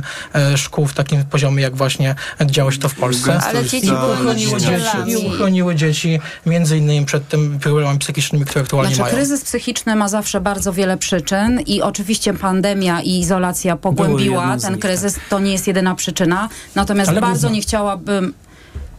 y, Rozumiem, że ma Pan na to jakieś badania potwierdzające Pana tezę. Ja takich nie znam, ale rzeczywiście widzimy, że izolacja spotęgowała kryzys psychiczny. Natomiast pamiętajmy, że y, taka była konieczność i, i trudno jest dyskutować z autorytetami medycznymi. Rozumiem, że Konfederacja jest Też przeciwko lockdownom, ale nie chciałabym w ogóle o tym rozmawiać, bo e, trudno jest dyskutować na, argumenty takie, z... w takie rejony, dlatego wróćmy do edukacji. E, kuratoria oświaty to moje następne pytanie, jak powin, jaka powinna być ich rola i jakie zmiany proponują Państwo dla organu nadzorującego e, szkoły, jak on powinien wyglądać. E, I tutaj już patrzę e, Teraz Agnieszka Dziemianowicz-Bąk, ja pamiętam. E, Tak, tak, bo ja zaczynałam za jako ostatnia. Okej. E, Kuratoria oświaty przez ostatnie lata pod rządami Prawa i Sprawiedliwości zamieniły się w jakieś potworne narzędzia ideologizacji, indoktrynacji polskich szkół. Z nadzoru pedagogicznego stały się po prostu instytucjami, jakby de departamentami mi- ministra y, Czarnka. I co z tym E, zrobić? Przykładem jest pani kurator Nowak, ale to nie znaczy, że należy te kuratoria zupełnie likwidować i wylewać dziecko z kąpielą. To jakie należy zadania je dla nich? odpolitycznić i odpartyjnić. Kuratorzy oświaty nie mogą być politykami, namiestnikami ministra, mają być urzędnikami, którzy sprawują ważną, odpowiedzialną rolę nadzoru pedagogicznego. Na przykład bardzo ważne jest to, żeby utrzymać kompetencje kuratorów do decydowania, wyda- wydawania zgody, czy daną szkołę można zlikwidować, czy można daną szkołę przekazać stowarzyszeniu albo organizacji, e, czy też e, nie, bo nie było dobrą praktyką za rządów jeszcze poprzednich PO i PSL, że samorządy mogły dobrowolnie sobie dowolnie decydować o tym, czy szkołę e, prywatyzować, czy szkoły nie prywatyzować. I my o tym mówimy otwarcie. Mamy nadzieję, że nasi przyjaciele z, z Koalicji Obywatelskiej doszli też do takiego wniosku i że nikomu nie przyjdzie do głowy, żeby kuratoria likwidować zupełnie, ale z całą pewnością kuratoria nie mogą mieć twarzy pani kurator Nowak. Kuratoria nie są od tego, żeby wprowadzać indoktrynację do polskich szkół. Panu się podobają te twarze, panie radny? Ale pa, Państwo mówicie o rzeczywiście urzędniku, który jest wyrazisty i, i dosyć ostro, bardzo mocno. e, dosyć ostro artykułuje swoje, e, swoje wypowiedzi czy swoje poglądy, tak, zgadza się. Natomiast no, to, to nie jest e, pierwszy urzędnik, który ostro artykułuje swoje poglądy i każdy z urzędników także ma prawo do tego, aby, aby wypowiadać się w swoim imieniu w, w tej pracy, którą osiągnął dzięki z, e, umiejętnościom i zdolnościom zawodowym. Myślę, że to nie jest, że taki lincz e, e, około publiczny nie jest e, dobrym rozwiązaniem. Zachować- Natomiast decyzje, decyzje czy ten, ta- czy ten kurator, czy ten kurator jest, czy nie, decyduje o tym minister edukacji narodowej i to myślę, że to jest jedna, jeden z takich silniejszych rzeczywiście argumentów w ręku ministra. Natomiast myślę, że każdy z ministrów chciałby taki argument mieć, e, jeśli wchodzi na, e, wchodzi na to stanowisko. Więc myślę, że e, kształt kuratoriów rzeczywiście to jest, można mówić o pewnej e, ewolucji, natomiast rewolucji zdecydowanie e, nie oczekujemy. Wielu z pracowników kuratoriów to także członkowie związków zawodowych albo osób, które mają duże doświadczenie e, w, w, w takiej realnej, e, w realnym funkcjonowaniu szkół i myślę, że z tego, i z, tego, i z tego trzeba korzystać, z tego chcemy korzystać i z tego i myślę, że to jest dobre, dobre rozwiązanie. E, Rewolucja na tym polu myślę, że jest złym rozwiązaniem. Ewolucja, rozmowa, dialog myślę, że to jest dobre rozwiązanie. Wioleta Tomczak, jak kuratoria powinny wyglądać? No jak najbardziej nie mogą wyglądać tak jak dzisiaj, czyli e, skupiać się na kontrolowaniu, być upolitycznione i nadzorować nauczycieli. To powinny być e, takie komisje edukacji narodowej, niezależne, bezpartyjne, które będą wspierać nauczycieli. Przekształcą się te kuratoria w centra właśnie wsparcia nauczycieli i tego, żeby te kompetencje e, nauczycieli były jak najbardziej wzmacniane, a nie biurokratycznie nadzorowane. Konfederacja? PiS i minister Czarnek e, upolitycznili szkołę w ten sposób. E, my to widzimy. E, poprzez zwiększenie kompetencji kuratorów sprawili, że z kuratorów zrobili funkcjonariuszy partyjnych. My się oczywiście temu sprzeciwiamy. A jeśli chodzi o kuratoria, uważamy, że należy zlikwidować. Dorota Łoboda. Jeżeli chodzi o kuratorium, to rzeczywiście wśród opozycji demokratycznej panuje zgoda, że należy je odpartyjnić, to zdecydowanie. To nie mogą być funkcjonariusze partyjni, kuratoria nie mogą być zbrojnym ramieniem ministra edukacji, kimkolwiek by ten minister czy czy ministra nie byli. Należy przełożyć ciężar z nadzoru i kontroli na wsparcie i doradztwo y, i, y, i pomyśleć o tym, że, że rzeczywiście y, kuratorium nie może być instytucją, która zastrasza. I kolejne próby wprowadzania Lex Czarnek, które miały jeszcze umacniać rolę kuratora, dać mu jakąś nadrzędną nad rodzicami rolę, powinny zostać wyrzucone do kosza i nigdy do tego nie powinniśmy wrócić. Bezpartyjni urzędnicy dość takiego nadzoru, y, który wiąże się ze strachem i z taką nadmierną kontrolą i nadmierną biurokracją, wsparcie to, dla szkół jak najbardziej tak, od tego są kuratoria. rodziców, to, ja, to, chyba, to chyba nie to. Mówi pani o kontroli e, Mówię o Lex Czarnek, mówię o Lex Czarnek, które w kolejnych wersjach, które w kolejnych wersjach dawały nadrzędną rolę kuratorowi nad rodzicami. To kurator miał podejmować decyzje co do zajęć dodatkowych, które miały się odbywać na terenie znaczy, szkoły. on miał prawo według prawa, według przepisów zablokować, dokładnie, zablokować, niezależnie od woli e, rodziców, kurator mógł zablokować Ale zajęcia. ponieważ zbliżamy się do organizacji, tak. do problemu organizacji pozarządowych e, w szkołach, to ponieważ już również panie wywołały tu ten pakt senacki, to chciałbym e, zacząć od e, pytania pakt e, właśnie pakt dla edukacji oczywiście, obywatelski w dodatku, więc chciałbym poprosić teraz o zadanie pytania Alicję Pacewicz. Alicja Pacewicz, koordynatorka sieci organizacji społecznych dla edukacji, SOS dla edukacji. Pytanie i zarazem apel. Macie tyle rzeczy wspólnych. Podpisaliście pakt i podpisaliście te 10 rozwiązań na 100 dni. Partię Paktu Senackiego tak. rządzący nie. Więc do tych, co podpisali, to pytanie, dlaczego o tym nie, e, nie mówicie tak wyraźnie i y, odwołujecie się do takich y, rzeczy jak typu, nie wiem, likwidacja tornistrów w szkole, do pewnej narracji, która już trochę, y, że tak powiem, jest przestarzała. Myślcie o szkole w sposób i o edukacji w sposób systemowy, a do rządzących pytanie, obecnie rządzących, e, no co zrobicie, jeśli będziecie dalej rządzić, bo część z tych postulatów moim zdaniem już się też nawet trochę sączy do, nawet do, do partii rządzącej, ale e, jak zrobić, żeby polska szkoła, która stoi na skraju przepaści, nie zrobiła kolejnego kroku naprzód. To Prawo i Sprawiedliwość, mhm. Michał Grocki. To znaczy, rzeczywiście dobre, ja myślę, że dobre pomysły warto przeanalizować. Znaczy, warto przeanalizować całą kartę. Dobre pomysły oczywiście zrealizujemy, albo będziemy starali się zrealizować jak najszybciej. E, myślę, że nawet jeden z pomysłów, które podrzucił nam Donald Tusk, my realizujemy, czyli e, urządzenie typu laptop dla, dla uczniów. E, on wpadł być może na ten pomysł, nie udało mu się nawet rozpocząć realizację no, tego. My to realizujemy. na pewno rozpocząć w kampanii wyborczej. My to realizujemy i myślę, że myślę, że to jest y, to, to, to, to jest właśnie taki mały przykład, który, który pokazuje, że dobre pomysły y, chcemy realizować y, i nie tylko na chęciach y, będziemy kończyć. Y, to y, może najpierw do właśnie przedstawicielek partii, które podpisały ten pakt. Rzeczywiście być może w, akurat w tej dyskusji te rzeczy z paktu dla edukacji nieco wybrzmiały, ale pytanie od Alicji Pacewicz, dlaczego nie tak mocno i każdy trochę coś tam sobie mówi, swoje ma postulaty, a nie ma tej jedności, no poza oczywiście ogólnym stwierdzeniem, że potrzeba podwyżek. Każda partia, mam wrażenie, się teraz różni e, nawet procentami. Ale co do kierunków my się zgadzamy i co do zmiany modelu edukacji, która jest zawarta w tym pakcie, no ale też w kampanii wyborczej każda partia wybiera też trochę to, co jest dla niej najważniejsze i najistotniejsze.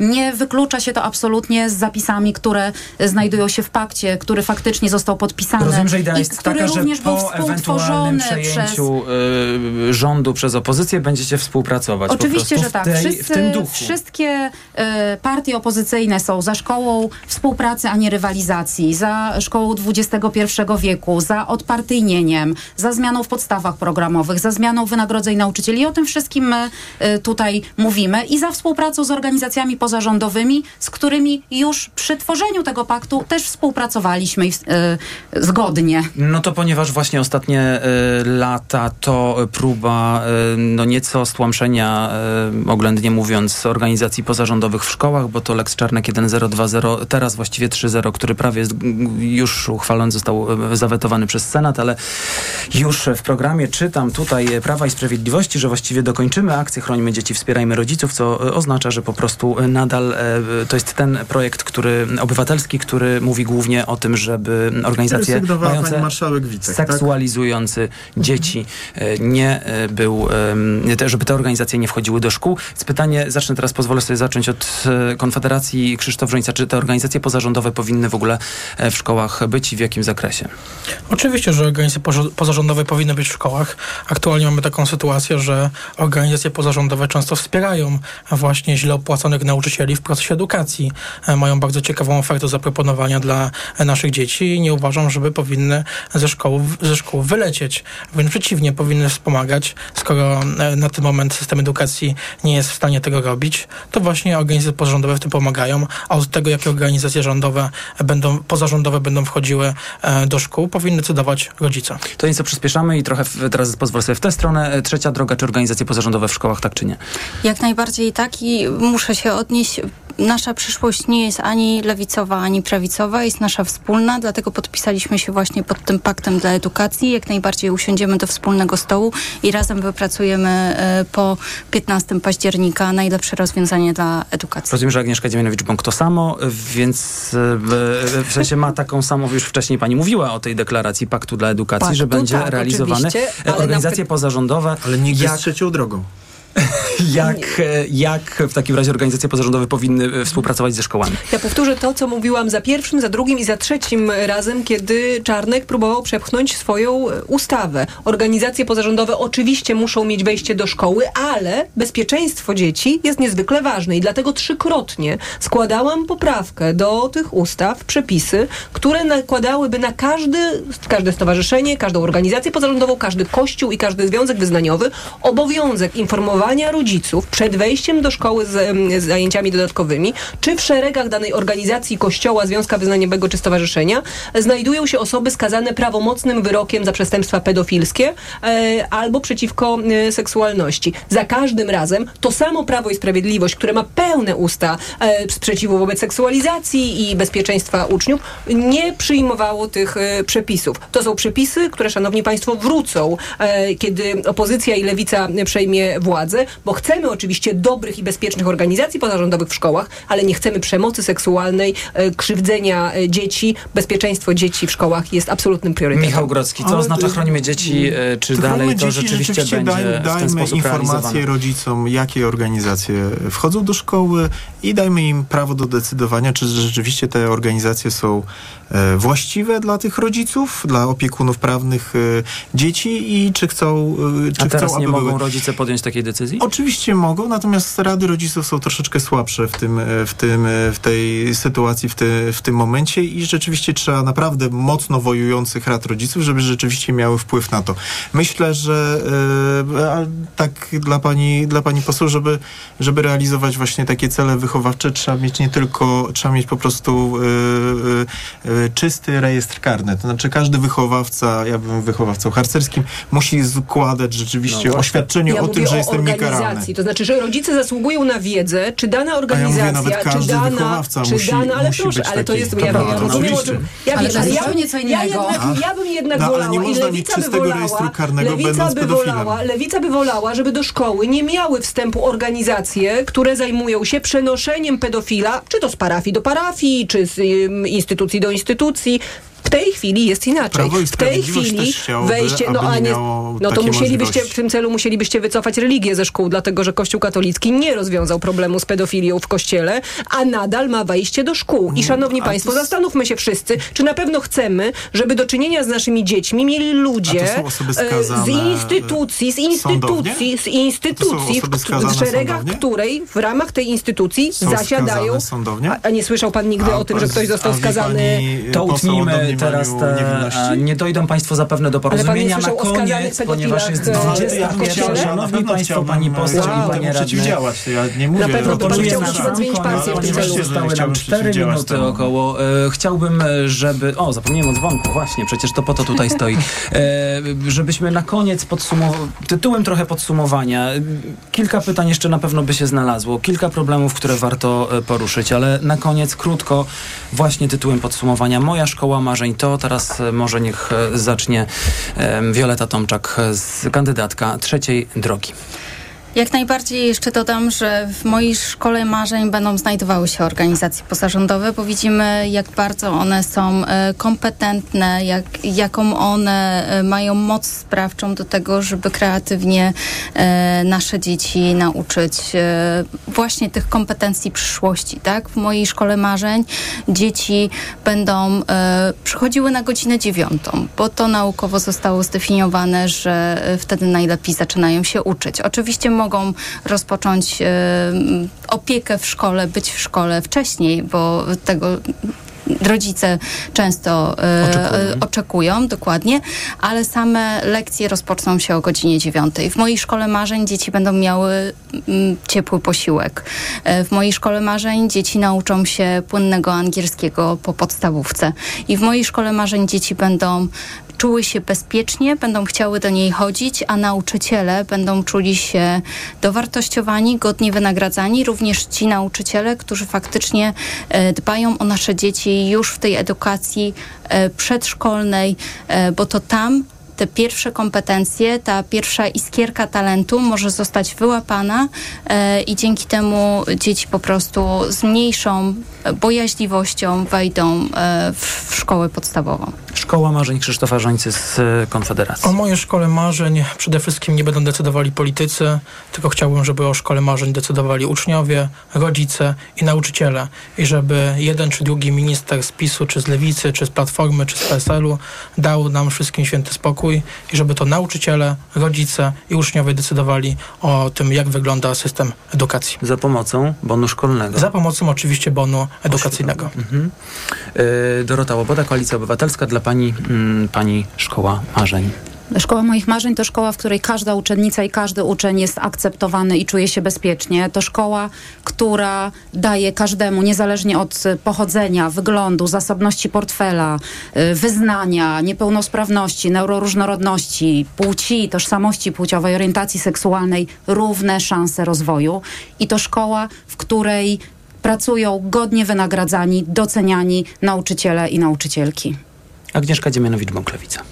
Moja szkoła marzeń to jest szkoła, która będzie takim drugim domem dla każdego dziecka, która uczy tego, co ważne dla przyszłości młodych ludzi, która opiekuje się zarówno ciałem, i tutaj mówię o ciepłym posiłku, jak i duszą i zdrowiu psychicznym. Tutaj mówię o dostępnym psychologu w każdej e, szkole i która wychowuje, która przygotowuje do dorosłego życia. I przede wszystkim to szkoła, która jest taką dobrą, bezpieczną szkołą nie tylko w dużym mieście, ale także na terenach wiejskich, także w małej miejscowości, która nie jest wygranym albo przegranym losem na loterii, która jest dostępna dla każdego ucznia, niezależnie od tego, czy urodził się w zamożnej rodzinie, czy jest wychowywany przez samodzielnego rodzica, czy mieszka w dużej miejscowości, czy w mniejszej. To na to się umówiliśmy. To nie jest gwiazdka z nieba. Na to się umówiliśmy w Konstytucji, na to się umówiliśmy jako polskie społeczeństwo i czas w końcu, żeby to zobowiązanie e, przywrócić do życia. To zrobimy jako lewica, jako demokratyczna opozycja już po 15 października,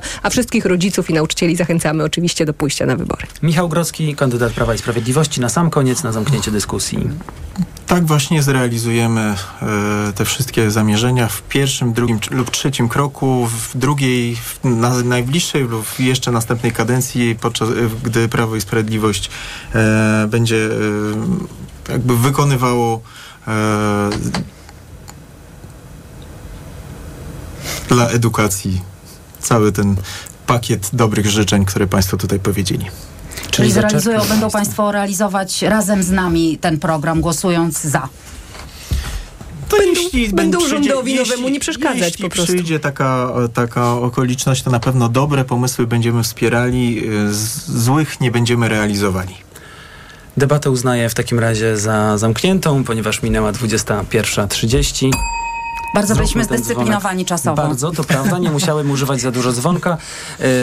Ym, I bardzo dziękuję w takim razie, nie tylko za to, ale za to, że przyjęli Państwo e, zaproszenie o edukacji. Zawsze warto rozmawiać. Cieszę się, że się udało i udało się poruszyć całą masę wątków. A Państwa e, gośćmi byli dzisiaj w debacie wyborczej Agnieszka Dziemianowicz-Bąk, kandydatka Nowej Lewicy do Sejmu w okręgu 26 Gdynia-Słupsk. Pan Michał Dziękuję Grodzki, bardzo. kandydat Prawa i Sprawiedliwości do Senatu w okręgu 45 w Warszawie. Dorota Łoboda, kandydatka Koalicji Obywatelskiej do Sejmu e, w okręgu 19 z Warszawy. Krzysztof Żońca, e, kandydat Konfederacji do Sejmu w okręgu 14. e, Nowy Sącz i Wioleta Tomczak, kandydatka trzeciej drogi Sejmu w okręgu 26, również Gdynia Słupsk. Państwu Dziękuję serdecznie. bardzo dziękuję. Dziękuję, Dziękuję. naszym słuchaczom. Wybory, proszę Państwa, już za miesiąc, a kolejna debata wyborcza w najbliższy wtorek w Radiu TOK FM oczywiście. Ja się nazywam Krzysztof Chorwat, bardzo Państwu dziękuję. Realizowali tę audycję Maciej Jarząb e, i Karolina Kłaczyńska. Wydawali, a e, realizował Jacek Kozłowski. Bardzo dziękuję i do usłyszenia. Debata TOK FM. Reklama.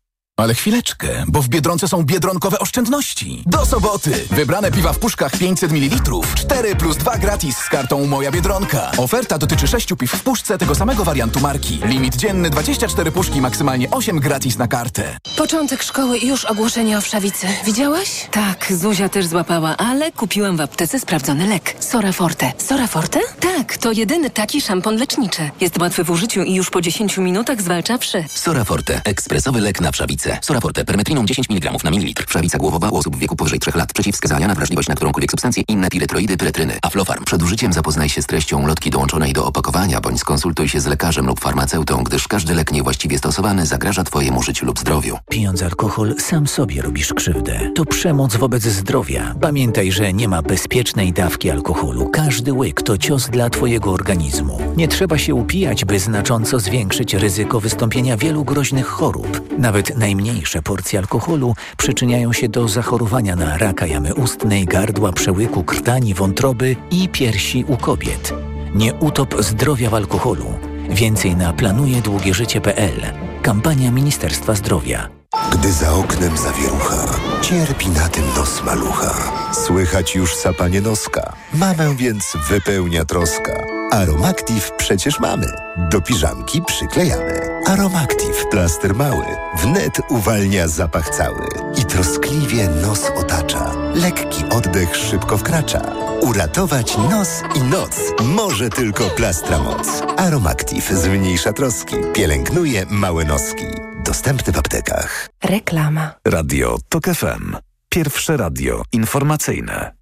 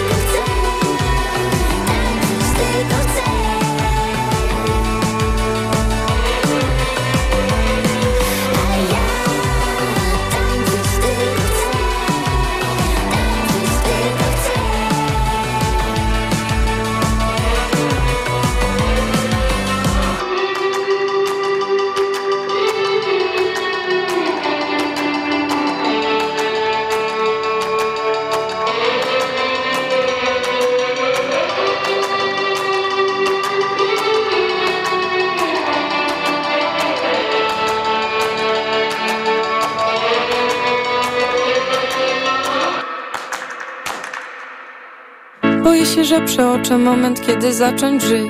Po sześciu latach twoja matka znowu zacznie pić Że już do końca będzie mi się chciało wyć Że przy tobie będę zawsze tylko pół krwi. Zasypiać już do końca świata będę całkiem sama Że nie usłyszę, jak ktoś mówi do mnie mama. Nie będę dostatecznie fajna, mądra, dobra, ładna Że to senewrat i że nasze plany lala, prawda? Od kiedy mam serce liczyłam na więcej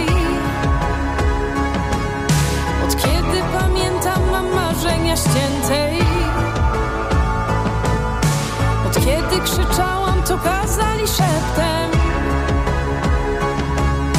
Się boję choć nie chcę Że umrę za szybko zakończę to wszystko. Że brak pewności siebie wygra z mą ambicją. To tylko żyćko, swej lala przyszłość. Miało być pięknie, znowu nic nie wyszło Utopię się w tobie, wyplujesz mnie w kącie. Nie będę wiedzieć czy to koniec, czy początek. Zrazisz się do mnie, zagramy wojnę. Ja nie przeproszę i wezmę długi rozbieg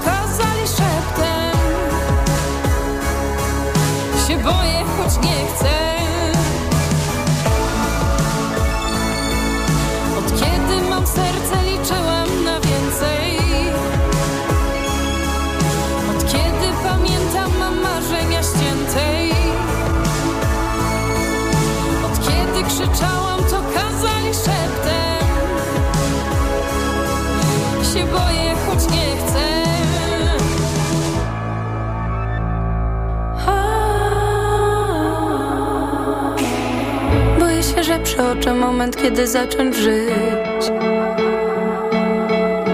Boję się, że przeoczę moment